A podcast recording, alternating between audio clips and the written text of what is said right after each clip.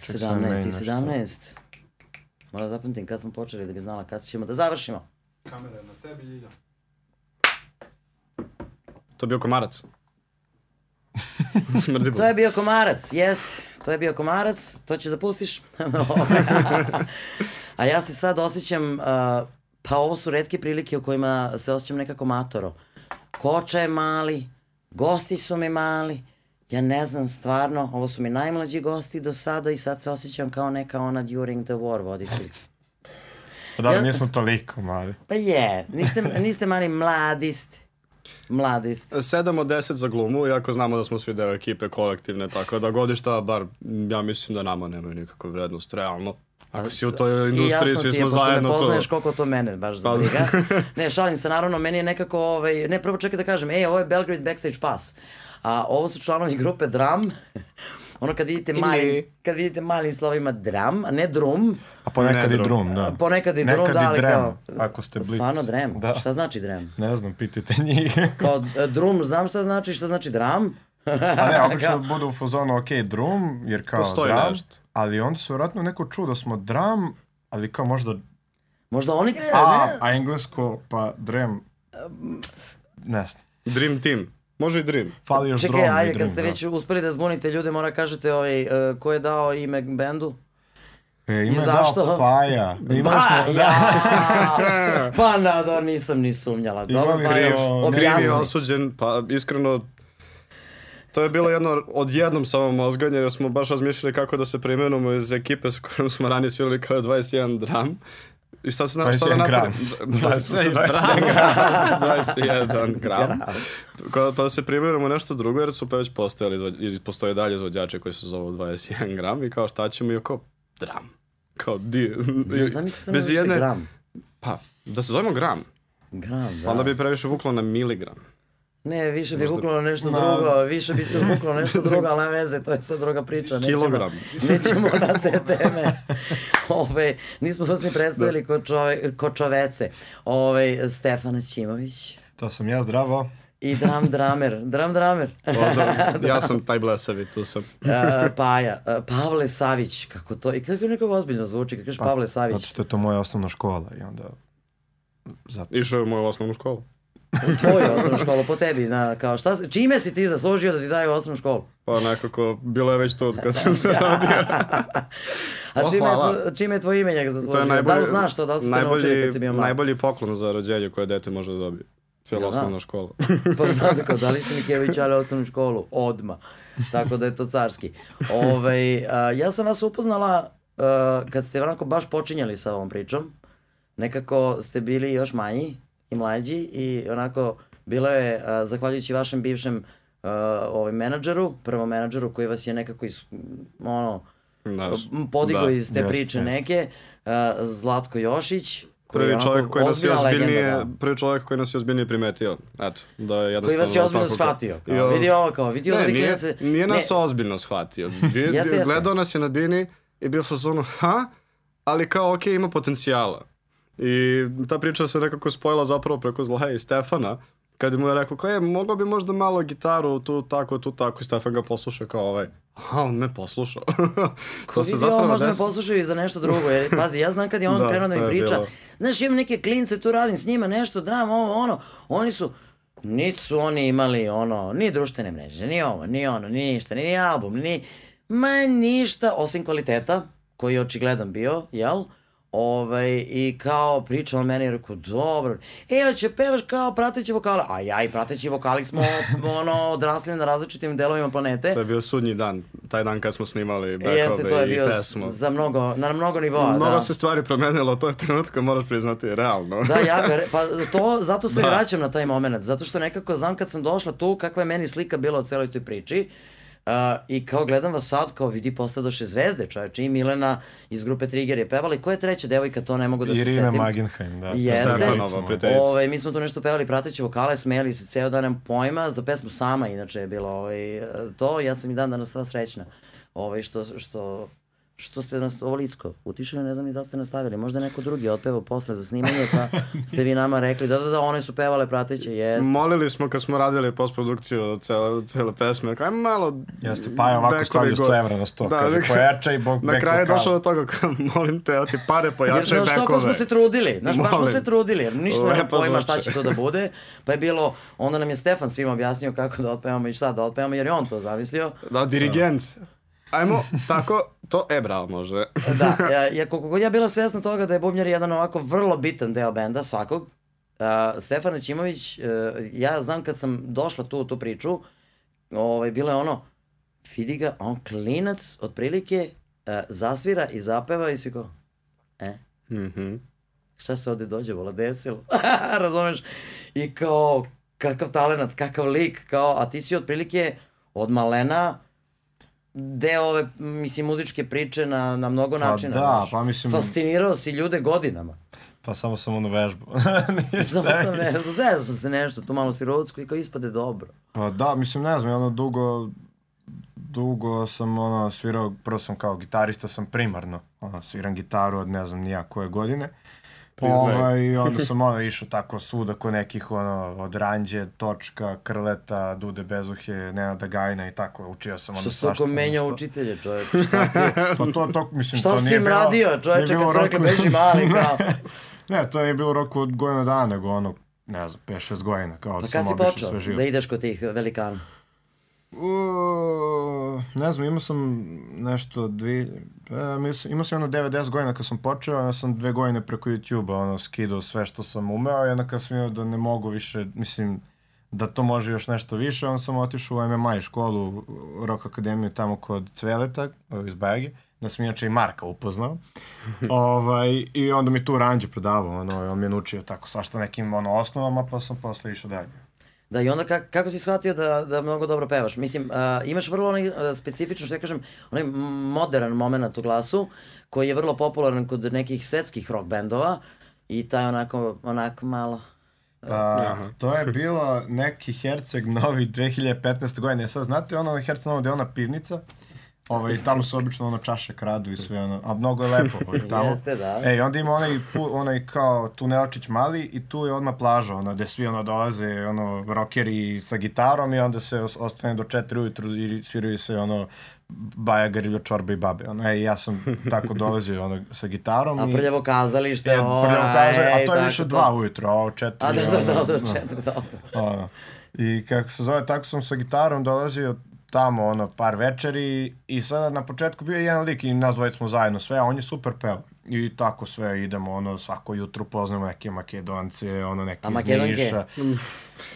A mi smo sve vreme svirali, to je problem. Ne, ja to sam da kraju- pitam, je se sviralo to tako kao zbog devojčica ili E, ja kao svirao se zbog nikad, gitare? Da, nisam, mislim, imao sam ja želju, ali to dok dođe do mene, to je ono, nikad ne završi do mene, tako da... Ovaj, To je zato što mnogo više voliš gitare, priznaj. Pa to je istina.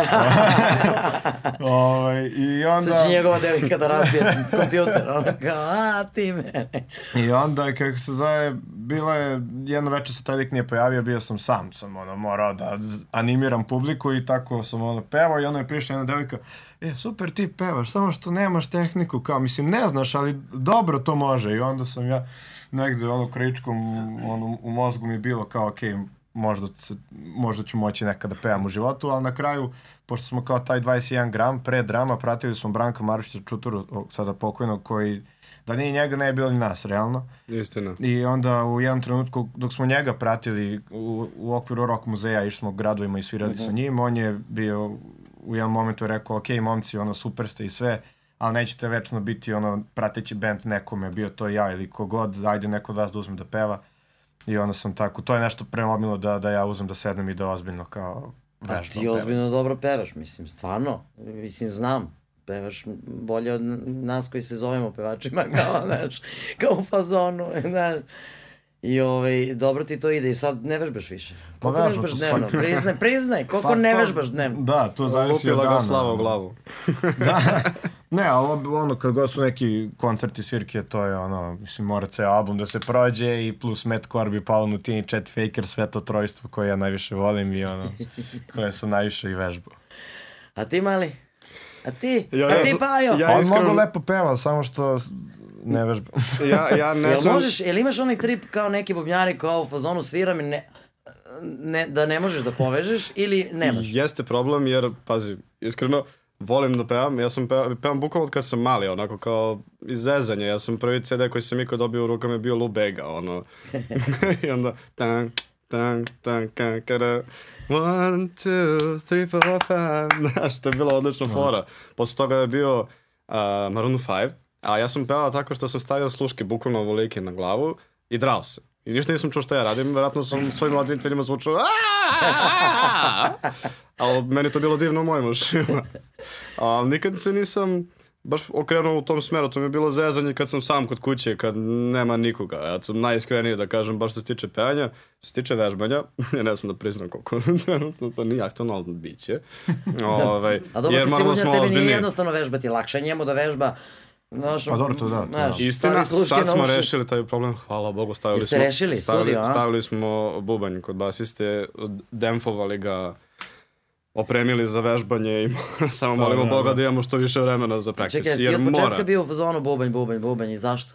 Ne, zapravo, Šta je to u bubnju što je tebi reklo čoveče, pa jo, a, ti mora bio se razgovarati? sam, bio sam sa drugarom iz osnovne u, ako, se, ako Jer znaš... ne može na plaži ono da se svira bubanj i da se privuku devojčice. Dobro, mogu kaхон eventualno ili dajre, da se ćemo, ali, ali pre će me Da, neko to gađati. One plastične kutije, ono.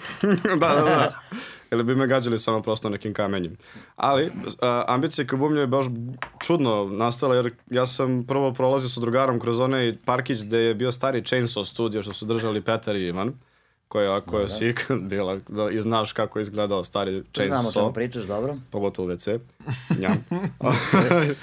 e, mi smo prolazili tu da vidjeli neke kao klim uređaje koji su sred parkiće, kao zašto ovi čujemo neku muziku i on kaže, ma to je neki klub, ja kažem, ovo je studio, kao za probe, 100%, i mi siđemo dole i bio taj dugačak hodnik, kao mi je kao bukvalno provirili, a Ivan i Petar ovako samo s druge strane. Isto oni provirili ako gledaju kao who the fuck are these guys, ono, ko su ovi ljudi, šta će ovi od, ode mi kao, izvini, izvini, otišli nazad i kao, ćemo krenemo sviramo neke instrumente. kao, ajde, šta ćeš ti? Pa ja bi, ne znam, klavir, gitaru, sve to je rekao, šta ću ja, bas? Ne, gitaru, ne, pevanje, nemam, nemam, Ne. nemam taj karakter, ono, za to, aj bubanj. I mnogo sam se zajebao. Što? jer Zbog najviše, ne, jer da, da, da, da, bukvalno. Bukvalno, da, to je to. Znači, fizičko, muzičko, fizičko. Ovaj. Pa zato si zgodan. Totalno ti- razumem, a prebi da sam bucko, samo da, samo da imam rodija, molim. Samo da sam pevač da imam samo mikrofon, da Ako neko zainteresovan da mi bude rodi, uh, 100 dinara po svirci. Plus uh, E. bakšiš. Mislim, daj, mora da pojačaš tu tarifu malo. Ako radi godinu, dve, može do 130. Pa ja, pa ne znam, šta misliš, a? Mada ako opet bude ovo zaključavanje korona, ovo ono, znaš, treba će nam neki dinar, znaš, da, ono, da skupimo malo, pa. Da to i za probe važi ili samo za svirke? Kada dodaš i oduzmeš ono probe, ulaganje, pa onda profit od svirki, bude tako. pa da, otprilike. Ove, I onda vas dohvati uh, Zlatko Jošić. Jeste ga slušali? Mislim, jeste bili u fazonu ono kao da, ajde da slušamo što ovaj čovjek priča. Taj čovjek verovatno zna o čemu priča. Uh, I kao, ajde da, da, da napravi od nas nešto, da, da nas malo izgura ovaj, iz anonimno, anon, anonimnosti. I jeste ga slušali? Stvarno? Ja smo na početku, ono, sva četvorica smo ono bili u fazonu, jer niko nas, mislim, mi tad nismo imali nijednu našu autorsku pesmu, ono, mi smo svirali sve neke ono obrade i kavere. Chat faker, ko... Da, tako da smo slušali sve što ono ima da kaže, pogotovo za te neke naše prve pesme i to što smo pravili. Koja je prva koju ste krenuli da radite? S- Neka što ne postoji, hvala Bogu, zato što je ono sahranjena. Ima negde na YouTube-u ko ono možda nađe, ima jedno možda sigurno 300 Su pregleda. one eksperimentalne pesme. Da, da, da, da. Ne, imali smo neki live u Elektropioniru s tom pesmom i ono baš je, baš je Loša, a? Da. Ali kao prva do, dobra? Prva dobra koja nas nije bilo blam da pokažemo bilo kome, sem naše dvorici je Sami. To je bila prva pesma, ono, koju, koju, s kojom, koju smo bili ponosni. Za koje je Zlaja angažovao tebe, Milenu i Stefan, svoju I rest my drugaricu. case. Da, da, da, Da molim. realizujemo pesmu i E bre, boga mi... obeležila sam vam, ja i Milena smo obeležili početak karijere. Bukvalno, da, da. Ali ne čujem Da, se. pečat. Ovo, tako da... Ja mislim, ja mislim da treba istetoviramo jedan tvoja faca s leve, Milenina sa desne, svako. Pa naravno, svako. Ili mogu, može bilo koji deo tela koji ima dva dela. No, Dobro. pa nećemo se da zalazimo u detalje. Ovaj, da, i, i kao, uh, je- jer ste imali problem s tim kao, da li, da li je on u pravu, da li on misli, znaš, pošto je on bio u fazonu, aha, sad ću da napravim dogovor sa ovima, pa PGP RTS, pa ćemo ovo, pa ćemo ono, vi ste možda kao mlađi drugačija, to je potpuno različita generacija, mislim. Znaš, Jeste, i jeste, on, jeste. on je čak drugačija generacija u po tom fazonu i od mene, a ja u odnosu na vas, mislim, vi ste nekako tu baš, ono, Mhm. On je baš bio u jednoj eri kada je cveto i rock'n'roll i baš je prošao... I drugačije se radilo u njegovo vreme, ali palo totalno kao daš, čekaj, da ćemo mi da se uklopimo sa nekim ko je deo druge, drugačije generacije, jeste, jer ono, odmah, odmah, da. A ja da. iskreno verujem da je tada u tom trenutku bilo ja kako je sada drugačije u odnosu na, ne znam, 50. Ono, kako, se, kako je funkcionisala muzička industrija. Jer brzo se menja i ono, to jeste najveći problem muzike jer se jako brzo menja i baš se ono, moraš ili adaptirati ili da, da provališ šablon kako da se uh, bukvalno rečeno radi u kontinuitetu jer mi smo baš hteli da napravimo od ovoga nešto malo veće i idemo ka tome. a čekaj, ste A od starta imali samo u da radimo fazonu kao zajedno. u glavi kao, aha, o, ovakve pesme, na primjer, takva i takav fazon pesme, mogu da budu hitovi i onda ćemo to da radimo tako, ili ste nekako prosto sklopili svoje te neke individualne karaktere i rekli kao ovo je najbolje što nama kao negde odgovara. Pa, mislim da nismo ni jedno ni drugo, nego nešto između, da kažem. Nikad nismo bili u fazonu, barem ne, do sad kao, e, idemo 100%, samo ovo daj, ovo je, ovo je kao hitčina, ovo će ovako hit, nemoj izbaci zato što daj ovu neku melodiju, daj nešto možda narod, ne, ne znam, narodnjački, otko znam. Da, da, nismo, nismo tako, a Kad nismo... već imate klavijaturu, može Da, svašta da, da. harmonika, to je... On je najpodložniji stavljanju para ovog. ja, ja nemam taj luksus. Da, sta- stavim, stavim i na činelima, samo da mi padne sa strane. Pa da, a gde će, pa dobro, on može ono u žice, ono sa Da. strane, to može, da. A nismo nikad ni bili u fazonu, aj ovo ćemo samo 100% mi, jer kao ovo nama se 100% sviđa, jer ne sviramo samo za nas, ono. Nego smo tako tražili nešto što, sad, da, kažemo kao, a to ne postoji ovdje, ono, to će zvuči mnogo kao prepotentno. Nego kao, ono, nešto što, što se nama sviđa, pogotovo meni kao vokalno, što ja volim da slušam i nisam to nešto mnogo pronalazio ovdje. Ima sličnih bendova, ali način na koji smo ono mi pravili, svirali, ne znam, trudili smo se, to zvuči nekako malo drugačije. Sada nekome zvuči, nekome ne. Nekome smo mi mnogo alternativni, a nekome smo mi zvučimo kao rasta. Ono, bili smo i takvi, alternativni. bili smo, pa, takvi komentari, ono, imaju za, za daj mi sve, bukvalno jedan komentar u fazonu, a ova alternativa kao super je, ali je kao mnogo, ono, negde tamo, a drugi komentar je kao ovo je previše, ono, autotuna, previše rasta. Kako previše rasta, šta ali je? to su Ne, sad ja moram da- različita moj, Moj mišljenja. prvi Da. komentar, uh, mislim, moje prvo neko razmišljanje o vama, kad sam videla šta radite i na koji način radite, bio uh, da je to neki potpuno zdrav pop koji je potreban na ovoj sceni. To hoćemo Pa da, da. da, Znaš, jer probijemo. niste je. otišli u neke tamo nenormalne hipsterske ekstreme, razumeš, kao ja ću je pravim nešto što samo ja znam šta je. Ovaj, a, da, I što gomila ljudi sluša i ne kapira, ali kao kapiraju da to nešto in i to je fora. I ajde sad svi da slušamo to zato što je to fora, jel?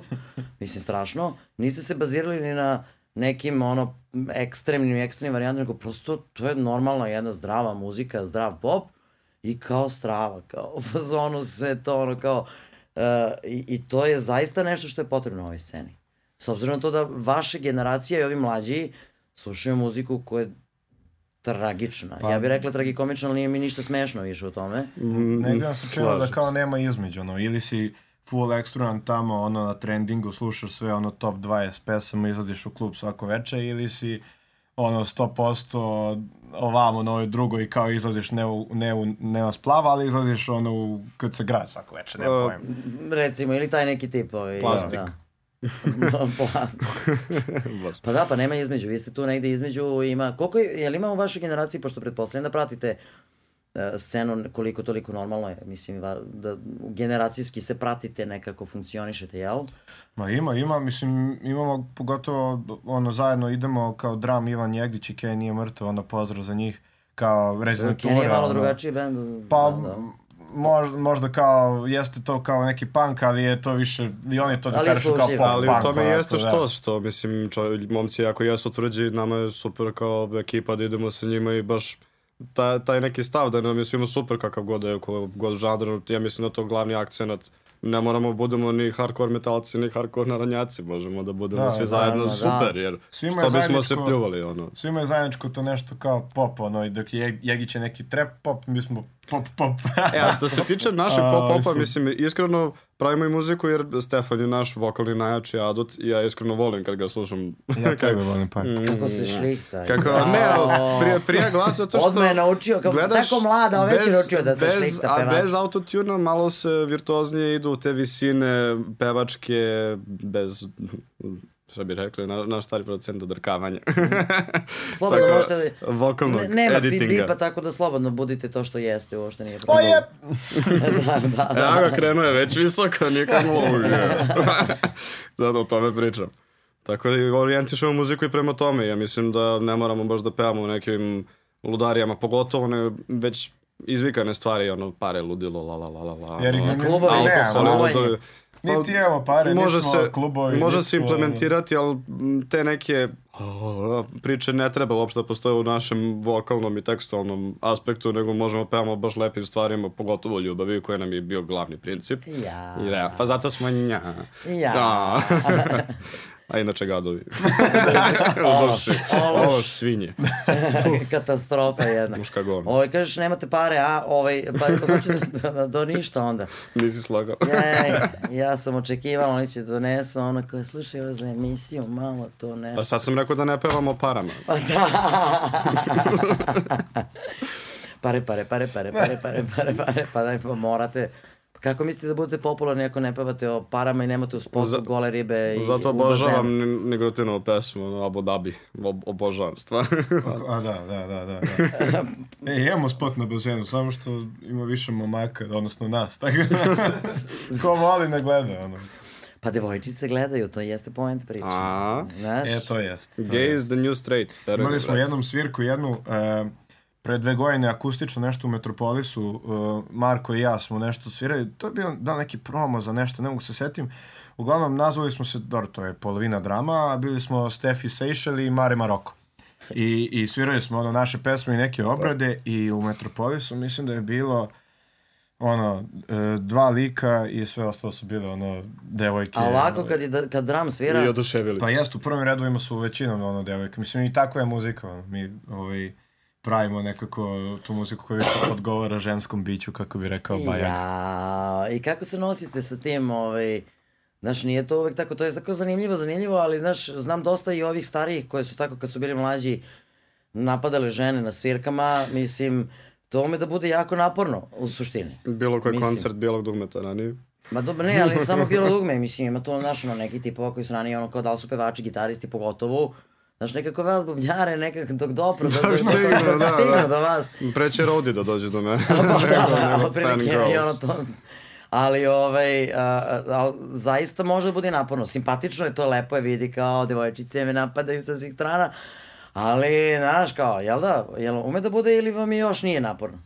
Pa, nije toliko. Ja barem ne vidim- Možda je Znaš, sad Marko. vas ono dodaju vas kao, kao ovo, pa Pa vas prate, pa da, komentarišu, da. Ja- svašta, Pa pišu. da, samo što ti ljudi nisu onako, nisu iz tog sveta, onako, nisu napadni, nego su onako, svi su Fini. normalni. Da, Da. neko ko, niko neće da tebe sada skače na tebe. Mislim, barem se nije još to, to desilo, Ma ili da, nismo još toliko loše. popularni, ono, ali vidjet ćemo, za sad su sve onako Pa fini da, ali ljudi, nekad ume, i- mislim, i kako se nosite sa tim tako fanovima, bez, bez obzira kog su pola?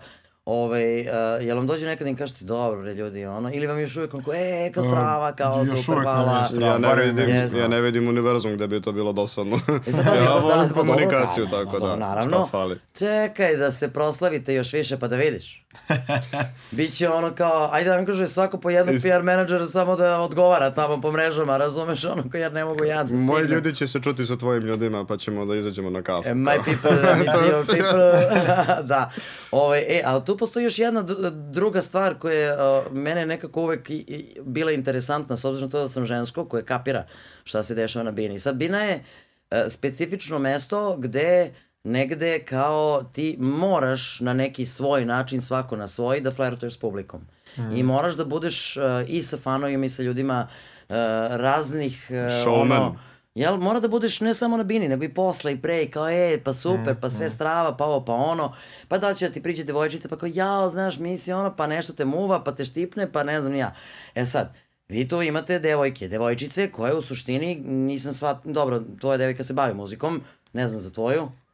Moja devojka sad više, više nemamo devojku. ali A, da. pa dobro, ali recimo, ajde, okej, okay, uh, uh, bilo koja devojka, da li se bavi ili ne bavi muzikom, I, i uzeta šljiva. i da li kapira ceo fazon taj, e, znaš, mlade devojke, vrlo često znam iz, iz ne sobstvenog, pošto nisam imala devojku nikad, ovaj, znam iz iskustva svojih nekih prijatelja muzičara, još kad su bili i mlađi i nešto stariji, mislim, svakakvih je to priča bilo. I žene im grebu gitare i kao je prodaj gitaru zbog svadbe i te fore. Znaš, ima i toga. E, e, e to ti kažem, ja sam se sad naježila, veruj mi, a nisam ni gitarista. Ovo, ja sam bukvalno bila u fazonu, razvedi se, odma. Nama, Razumeš? nama samo grizu E sad, klavijaturistu. Kapiram da ima mnogo devojaka koje su, budu i ljubomorne, budu ono kao to, a što ti ti, a što, u koga si gledao kad si me, a zašto si ovo, zašto, ima toga, koliko hoćeš. Koliko vama neka dođe, Znaš, mislim, kažem opet, ima devojaka koji to kapiraju, naravno, zato što Da, im je da, jasno i čak Da. navijaju za to, jer kao ti si taj koji tu treba nešto da, da, privuče te ljude i to je prosto normalno, razumeš? Ovaj, znam ja kao neko ko je vokal, znaš, kad te muva neko kao, pa muva, pa šta ja radim, što me muva, Da, razumeš? ne mogu kažem, izvini, Ali je nemoj da me bilo- muvaš. Da, pa bukvalno, ali bilo je frajera koji to Iako ne sam mogu se da... sredila za, da, da, mi Da, pričaš i ja. Ne u mogu da podnesu, znaš, nekako njima to nije mm, normalno. Ljudi koji se bave normalnim poslovima ne kapiraju da si ti potpuno jedan entitet drugačije vrste kad si na bini i oko bine i u tom svetu. Mhm. Uh, jeste nailazile na tu vrstu problema sa devojčicama? Pa ne, ja mislim nisam Ili su bile u ono. ja, ja sam sa pevačem, ja, ja sam sa momljanom. Pa ne, bile su kao svesne šta je i kako je ono... Jedan deo je showmanship kad si na bini, mislim, ali ću lepo drugo. Kada si to- u privatnom ambijentu, Da, mislim. da, da. Pa jeste, ali To- kažem, one dođu na svirku i kao, aha, A šta sve, sad sve to ono show, sve je fake, ono, mislim, nije fake, nego nekako drugačije su malo svi osobe na toj bini, ono, više animiramo ljude i gledamo da to bude zanimljivo, a onako, posle kad sednemo nazad, ono, ja sam liko, ono, najviše ćuti, ono, pije, gleda i, ono, i smeje se i pravi, ono, nesmešne šale, a ovako na bini... A ovaj, pra, Paja je gla, najglasniji i pravi najsmešnije šale, jel? ja ne stanem, onako imam tu magiju da samo... Da, inače, E, da, ja to- sam to skoro znači. pričala Ne, baš... ne stanem u jednom trenutku i oni... Gde pa je? Ja sam skoro A, baš to pričala sa njim, sa, sa nekom tu ekipi, sam rekao, ti ga onaj pa izgleda tako, znaš, onako fin. On baš izgleda fino. Onako i kad ga vidi čovjek, pa one sličice što stavlja na Instagram, pa onako, znaš, To, to, onako, to. fin dero šiškice, znaš, onako. A, A, on, a ono namazano... ništa je namazano, brate, ti si iščešen potpuno, čovjek, lik, A razumeš? bukvalno, evo sad ne može da hoda. Bukvalno iščešeno. Išče- da. Ima problem sa petom u ovom trenutku, šteta što ovaj, ne stojiš, pa kao posle nekog vremena, kao, znaš. A kako, uh, pošto pretpostavljamo da, da, da će se u nekom momentu možda i desiti neka vrsta odnosa u vašoj okolini u kojoj uh, će možda neko od vas nešto tražiti što ne želite, mislim, uh, ili će biti u fazonu, aha, a ka- kako se nosite s tim? Jel, čim vidite da riba ono kao ne kapira to što ste vi na bini, jel to odmah ćao Ne, da, odmah, ili odmah delete, ono. delete? Da. Ja nisam toliki ekstremista, ja verujem u zdrav razgovor, ali jeste problem, jer mislim to je stvarno posao i privatan život, to su dve različite stvari. Jeste, ali Mislim- suštinski recimo vama dvojici to nije osnovni posao. Vi ste, ti si završio fakultet s- Da. uh, koji? Elektrotehnički. E, A ti? Još malo pa dizajn zvuka gotov, trebaš samo da O diplomiraš. tome ti pričam. Ti si tonac i radiš na 200 dvojici trenutno između Drugi, ostalog. treći program. E, dobro, kulturni. ali samo da znate Ali da tu su mi te, najbolje kolege. Kao ovo ono. Ovaj, a, ti, jel radiš, Evo sam radiš? sam s poslu došao. Pa to ti kažem, pa mislim, znaš to, vama suštinski nije ono kao ja sad idem na turneje, zarađujem preterane pare i Da, kao da, nema da. veze, riba ćuti, kao dok on donosi kući leba, sve je u redu, razumeš? Da. Ali ovako uvek može nekada dođe da kaže, to je ti, onako ti je to hobi, uh, znaš, Kao šta ti je preče, ja ili tvoj hobi? E, pa, Jel e, ti vidiš da E, znaš, e, vidiš znam. da znaš o čemu pričam. Naslušao sam se svega. Pa Da, to da, te da. pitam, znaš, kao, kako, se, to- kako to rešiš, kad ti tako neko kaže, evo, ajde, ajde. A mi sad Pošto, smo... pošto je on ekstremista, ajde. Kako ti, Pajo, to rešiš? Moram priznam, zavisi od situacije, ali stvarno nije mi nikad došao pod ruku da, da mora da, da odlučujem sada između muzike i devojke, jer nikad, mislim, glupo bi bilo da stvarno dođe do toga, onda sam stvarno pogrešio u startu. Nije li, ve- pa dobro, da. da. Ja imam, znam za primjer za drugara koji fenomenalno peva, ima odličan band, završili su ono, ne znam, 100 svirki i prosto devojci njegove se nije dopalo što je on previše na svirkama.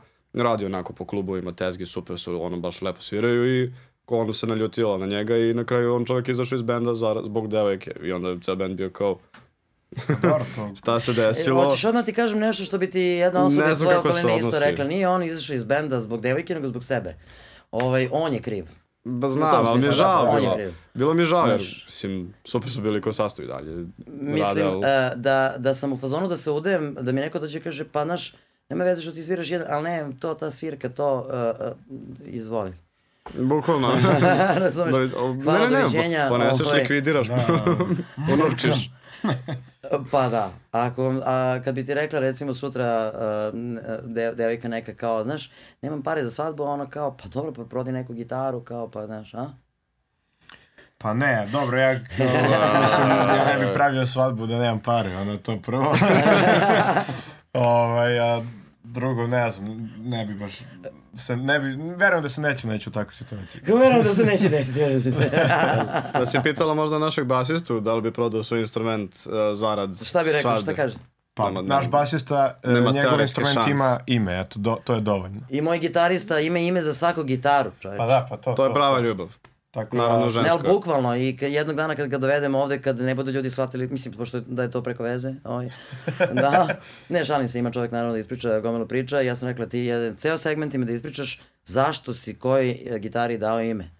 Ali vidiš, vi ne To dajete. su, sigurno i jesu posebne priče. Za svaku, to nije samo Pa ima odlaska. posebne ideje neki zašto i svaka, svaka gitara ima dušu, kažu gitaristi. Ja ne znam da li moj mikrofon ima dušu. Pa nije drven. I kad, je, kad dođe vreme da ispusti dušu, posle koliko vremena, koliko gitara imaš? E, sedam. Sam. Samo, da, da, da. Sedam, da, da, da, to su... I kako biraš koju ćeš da sviraš? E, pa zavisi od Da se e, ova druga ne žanra. naljuti od sedma, kao alo, kao... Ne, pa zavisi, zavisi od žanra. A dobro, ali za- po svirci recimo nećeš da kao, znaš, promeniš možda jednom gitaru ili ne, ili kako? Pa ne, za, za, za drum sviram Fendera, ono, mog Stratocastera, to mi je ono go-to gitara, ovaj, za tako neki zvuk, dok, na primjer, sa Loudom je, ovaj, ono, e, ovaj, A da, vi ste SG, i u jel Laudu, da? Les Paul, ovaj, tako da to mi je, ovaj, zavisi onako zvuka koji me teže. Imam neko, naravno nekog telekastera, ali to je ako me dosadi nešto od ovoga. Pa Ali nosio si to. telekastera ranije, sećam se. Jesam, jesam to kao rezervnu jer nam se dešavalo dve svirke za redom. Bili smo pregrupa Airi FM-u Sjao, i da. pregrupa grupi za. I svi onako uzbuđeni, to bio neki dom omladine pre nove godine, ne znam, 2018. Tad smo još, ono, mislim, niš, nismo postali. Ali kao, eto, svirali smo na... I tada smo bili drum, naravno, upisani svuda. Tiket. da. I to je bilo onako svi ono ponosti, ajde Na imamo kraju ćete promene ga u drum, kao da, ajde, da, da, da, pa lakše je bilo, bukvalno. I kao, ajde imamo, sviramo jedno pet pesama, šest, dovoljno, sve pesme navežbali, sve će dvoje super.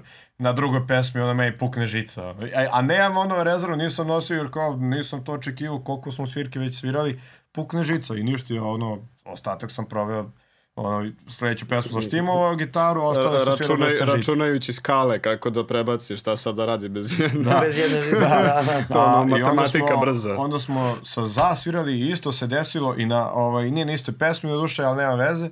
I onda sam bio fuzon, ok, aj nosim rezervnu. I onda u Zaječaru nam se desilo to i odmah je neki lik skapirao, neko da iz publike, nemam pojma da je meni pukla žica i samo mi nešto, a, imam rezervnu, bla, u sekundi don, ono, don, donete mi gitara, ja je stavio, rekao, super, ono, A- anđeo hvala ljudima, da, da. da, da. Znači, druženje, podrška i to. Da, da, da, da. Kako sjajno. meni niko nema da palicu kad, kad je izgubim.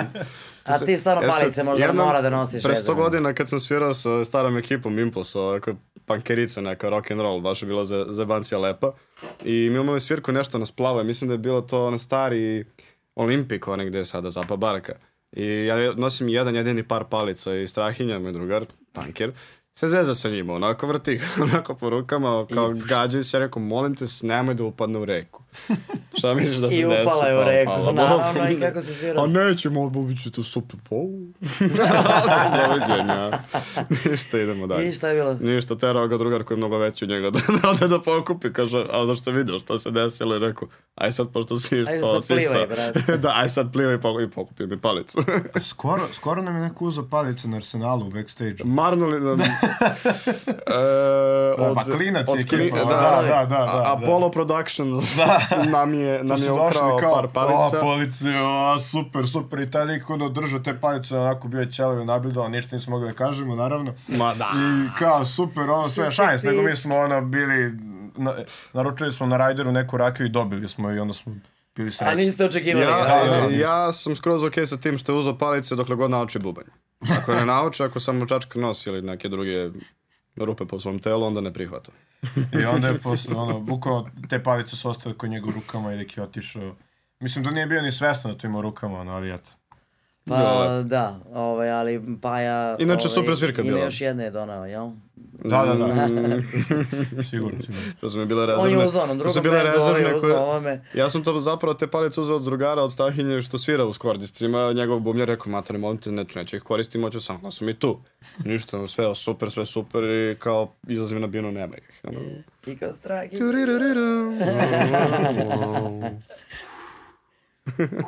to, to nema ničeg. Ćao, doviđenja. E, ali dosta ste vi toga prošli u suštini, s obzirom na to da ste mladi, da ste, ali bili ste na dosta nekih interesantnih svirki, putovanja, svega i svačega.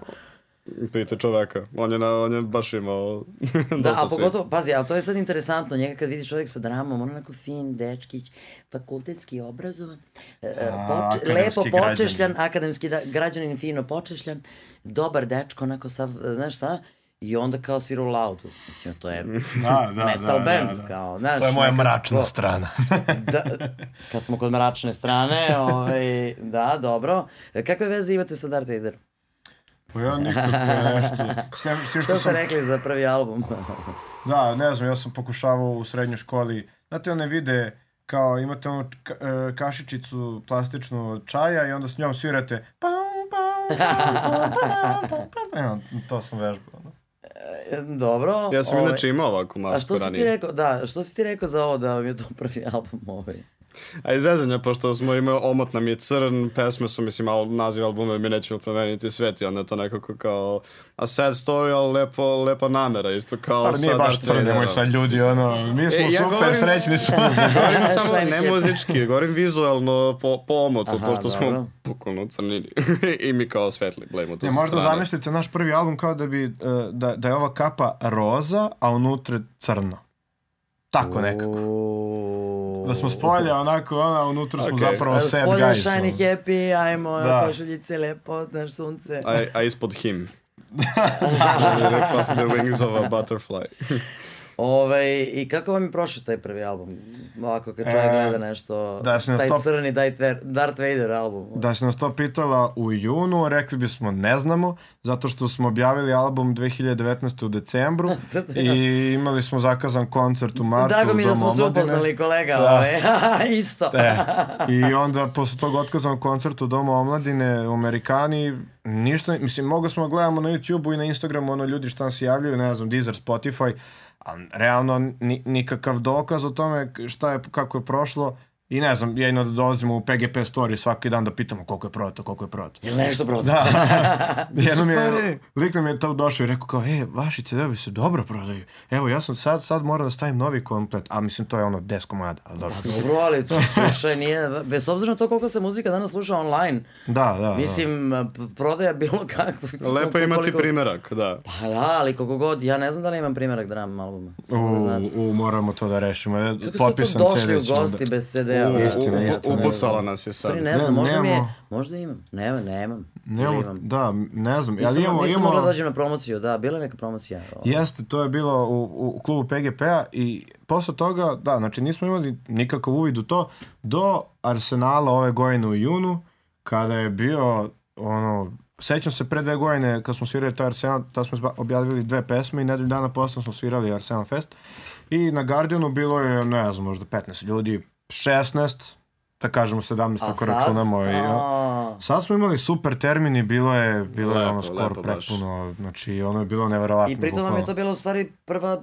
svirka, Prva svirka, tip realno. posle godinu i po dana. Pa da, prvo svirka kad imamo album, to je, to je ono, i, i baš nam je bilo, volimo to da kažemo, ok, na, nama se album zove, nećemo promeniti svet, jer smo bili svesni da sa tim nećemo baš da promenimo sa kao, ne znam ja šta, ali nam je drago da uvek vidimo tako neke ljudi i da smo barem njima onako promenili njihov onako svet I, i nama se promenio svet sa tim naravno. A koliko je bila dobra album. svirka, imate ono na YouTube snimak gde Mareta teraju ljudi da se skine, ovaj, da skine ovaj, sve gornji deo i to, Ja, to je bilo ono ja. skandiranje. Ja sam se oduševio kad sam vidio da su to skandirali. Ja Znači, sam, dobro, ne baš Mareta bez majice, ali barem taj Pa to događaj ceo je lep. Mislim, volimo njega, ali mora baš. Ne, ovaj, moramo da ga bacamo u vatru, volimo ga, zato mora. Sad će krenuo teretana odmah, znaš, Da, kao da, da, sve, O, to kao, ti kažem. jel da? Pa ne Da. mogu baš da budem ko onaj Hawaii, onaj debeli, kako se zove?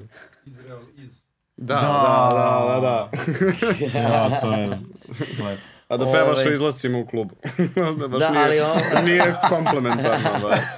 Da. Da, ali ono što je interesantno, a vidiš što sam mi palo na pamet za Arsenal, bilo je i tu nekih maskica, mislim, razlog zašto sam se ove maske setila ovde, iako nema veze sa onim maskama, je što ste pre toga uradili spot i sve to kao okej, nego ovaj, vrtim ja tako to po mrežama, nešto gledam, kad ono ovi objavili fotografije, ono kao screen, print screenove sa a, gostovanja na RTS-u, jutarnji program, jutarnji program na RTS-u, znači javni servis Evropske Srbije, njih dvojica sa maskama na glavi.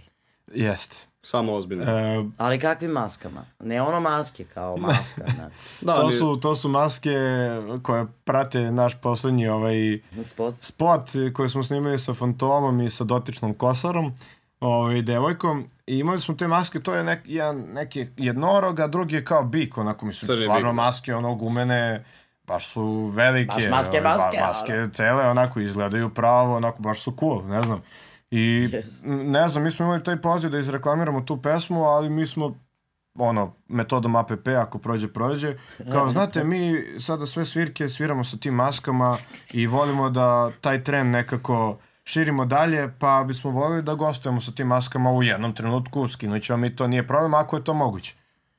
Dobili smo zeleno svetlo i ono, ostalo je istorija, postavili smo mimovi na Squatting Slavs i na nekoliko ono, sjajno. Ne, ne, ja sam se toliko oduševila i toliko sam se smejala. Prvo rekao, I pretpostavio sam ste vas dvojica, je. da. Prosto Vidi nije ove bilo... psihopate, odlično. Da, ali kao, čekaj, ovo je RTS, ovaj jutarnji program na RTS-u, njih dvojica drže konja i bika na glavi, Da. mislim konja, jednoga, kao, i ovo, jel mi je bilo vruće bar tamo? Jeste, a te maske su onako neprijatne, onako ne možeš ni da dišeš, ali... Gledaš kroz nozdrave od gume, I tako da ko to ti, Vader. da, to ti Da, jedini video da. što možda Da, ja, zapravo desilo se na Exitu, ovaj, pošto sad svaki festival, ta pesma kad je, na pola ja stavim masku, izađe Kosara, otpeva svoj deo, ode Kosara, skine masku, to je to. Ali jednu strofu pevam sa maskom. I sada na Exitu je bio super monitoring, svi smo se onako čuli, s tim što je problem sa tom maskom, ja onako, da bi pevao, da ne bi zvučao oko, ja moram da progutam mikrofon sa Da, tim i bikom. s- I mora da mi uđe mikrofon u usta, da izvinete. I, i, ovo je od bika. Ali to, to, to, to kad se desi, to kad se desi onako mali je prostor i javi se mikrofon i jako je preglasno. I onda je to bilo nije se napolju to čulo, sva sreća, ali ovaj tonac za monitore samo ovako prebledeo jer sve onako pišti u sekundi i onda je posle rekao, e, super svirka, a treba mi kažeš bre, nemoj, kaži mi da nosiš bre masku na jednoj pesmi, nemoj bre to, nemoj tako. Kao I to stvarno radite na svakoj sad svijet. Pa da, da, da. Tako da- trudimo se svakom prilikom. Kad god Biće. možete. I, i, I kad god dođe kosara, da. I kad god dođe konsara.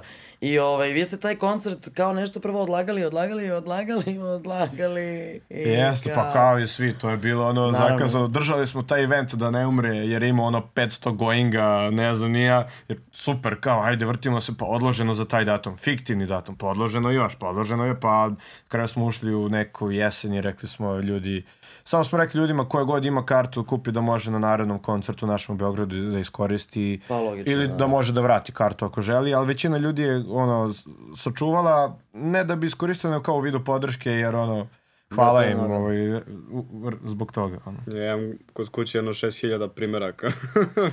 Da, da, imamo, štampali smo flajere, da to delimo, da flajere, lepimo. Znači, da. ovoliki što su onako samo neiskorišćenih flajera za svirku. Da, Da, mislite da, ovaj, da, je, mo- da je, mislim, evo sad do duše pričaju za september da će biti opet malo, opa, razumeš, ali kao razmišljate o tome šta ćete da radite sa, sa tim koncertom, jer kao realno treba da napravite koncert. Da, idejno nam je, promociju. idejno nam je to da to sledeći, sledeći, sledeće proleće bude opet taj neki dom omladine Amerikana. Ovaj, za taj prvi, naravno, album, a i za novo, sve što imamo. A i za pošto- novi album, da, pošto sam čula da radite već Pa ono, da, ajmo dalje. mislim, mi čim se taj e, koncert otkazao, mi smo seli onako i kao, ok, ajde da zamislimo da smo to odsvirali i ajde da nastavimo kao da se to desilo i da radimo sve normalno, da ne pademo sad u depresiju ono pola godina, nego da snijemo i tako se i desilo, onako preko Skype-a smo se čuli, pogotovo kad je bio na lockdown i ono, neke ideje, bile tu kašnjenja, ali kao, ok, ajde imamo neke akorde, super, ajde za za 15 minuta neko nek smisli neki tekstić, pa se opet zovemo, pa smišljamo. Kaj ga izmisli neki neki tek. tekstić? Da, da, da, pa ono, Alo bre, to su važne stvari. pa ne, nego zato što... tako se prave pesme, Smisli izmisli neki neku tek, tek, kao. tekstičinu. tekstičinu, Pre, pre da bismo dobili dobru melodiju. Ja mislim da je to Da, jeste da. taj catch, da dobiješ dobar krug jedan koji možeš da ponavljaš u refrenu i onda možda implementiraš smisao tekstualno. Zato ja nikad meni hit- to hit ima smisla. napisati. Meni je bitno šta se kaže, nema veze sad kako je to. ovaj. Mi nećemo promeniti svet.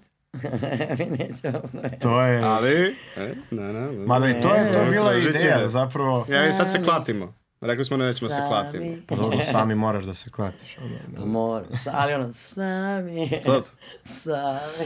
Odlično, odlično. To, ako neka budemo imali ono veliki koncert u areni, onda da znamo šta je... Ne, pa ovaj, to, kao. Da. da. Ćemo onda, onda unajmimo jedan ceo red, onako, back vokala koji rade to naš, ono. Jeste ko, ko Roger Waters. Ja se ne bi bunio. Kako ćete da oblačite ovaj back vokale?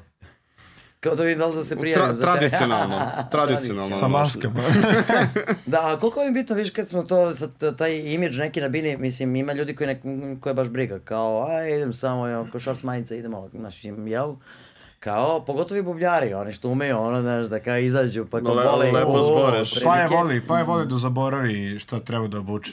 Kaže, to. de, de su ti pantalone liče? Rekao, aha, nisam ponao. Pa dobro, tebi se onako ne vide noge, tako da nema veze, A, bitna je majica, razumiješ? Vidite ljudi, ono. Imam- Ali dobro, nije strašno. Ja moram da priznam, meni je jako bitno kako je bend obučen. Da, Mislim, da, kako da. je obučen. U smislu da to ima smisla nekog. Ali s druge strane za bubnjara ovi kažem dobro, ajde kao. nije- Znaš, nije ni nije bitan, toliko ovako, strašno. ono. pa onako kao si lep, lep si, Mogu, Mogu, je lep mogu dečko, pusti mi onaj drum Virina. trigger. da, da, da.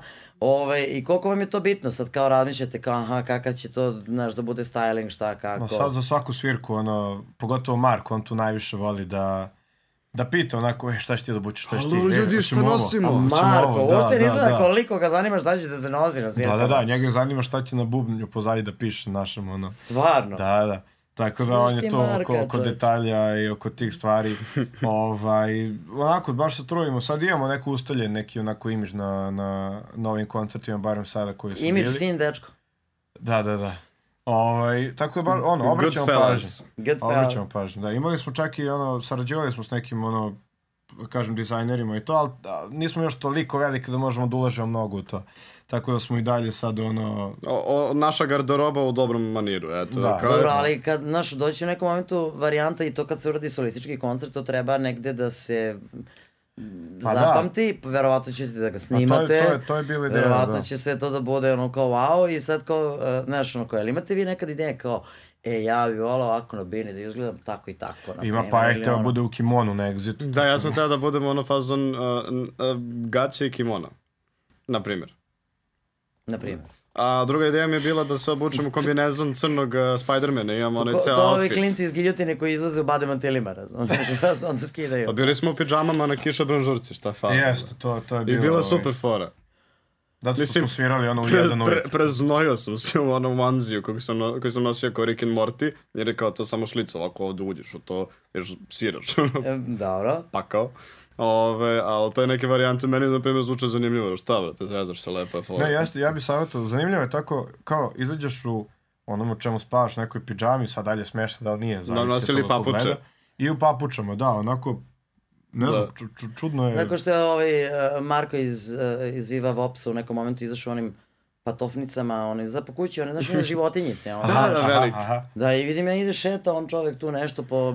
I to je baš bilo na, na barfu, bili su gosti, pošto su pre toga ovaj, Da. pobedili i kao dolazi čovjek šeta, tu ja umirem. Znači čovjek je izašao da peva u onim patofnicama, Odlično, razumeš, i kao, odlično. da. Me to podsjeća ono na brko i tako. Ali ti ne bi ono. mogao baš gitara, znaš, ono kao pedale, ono je široko, uši, Da, da, znaš, da, da.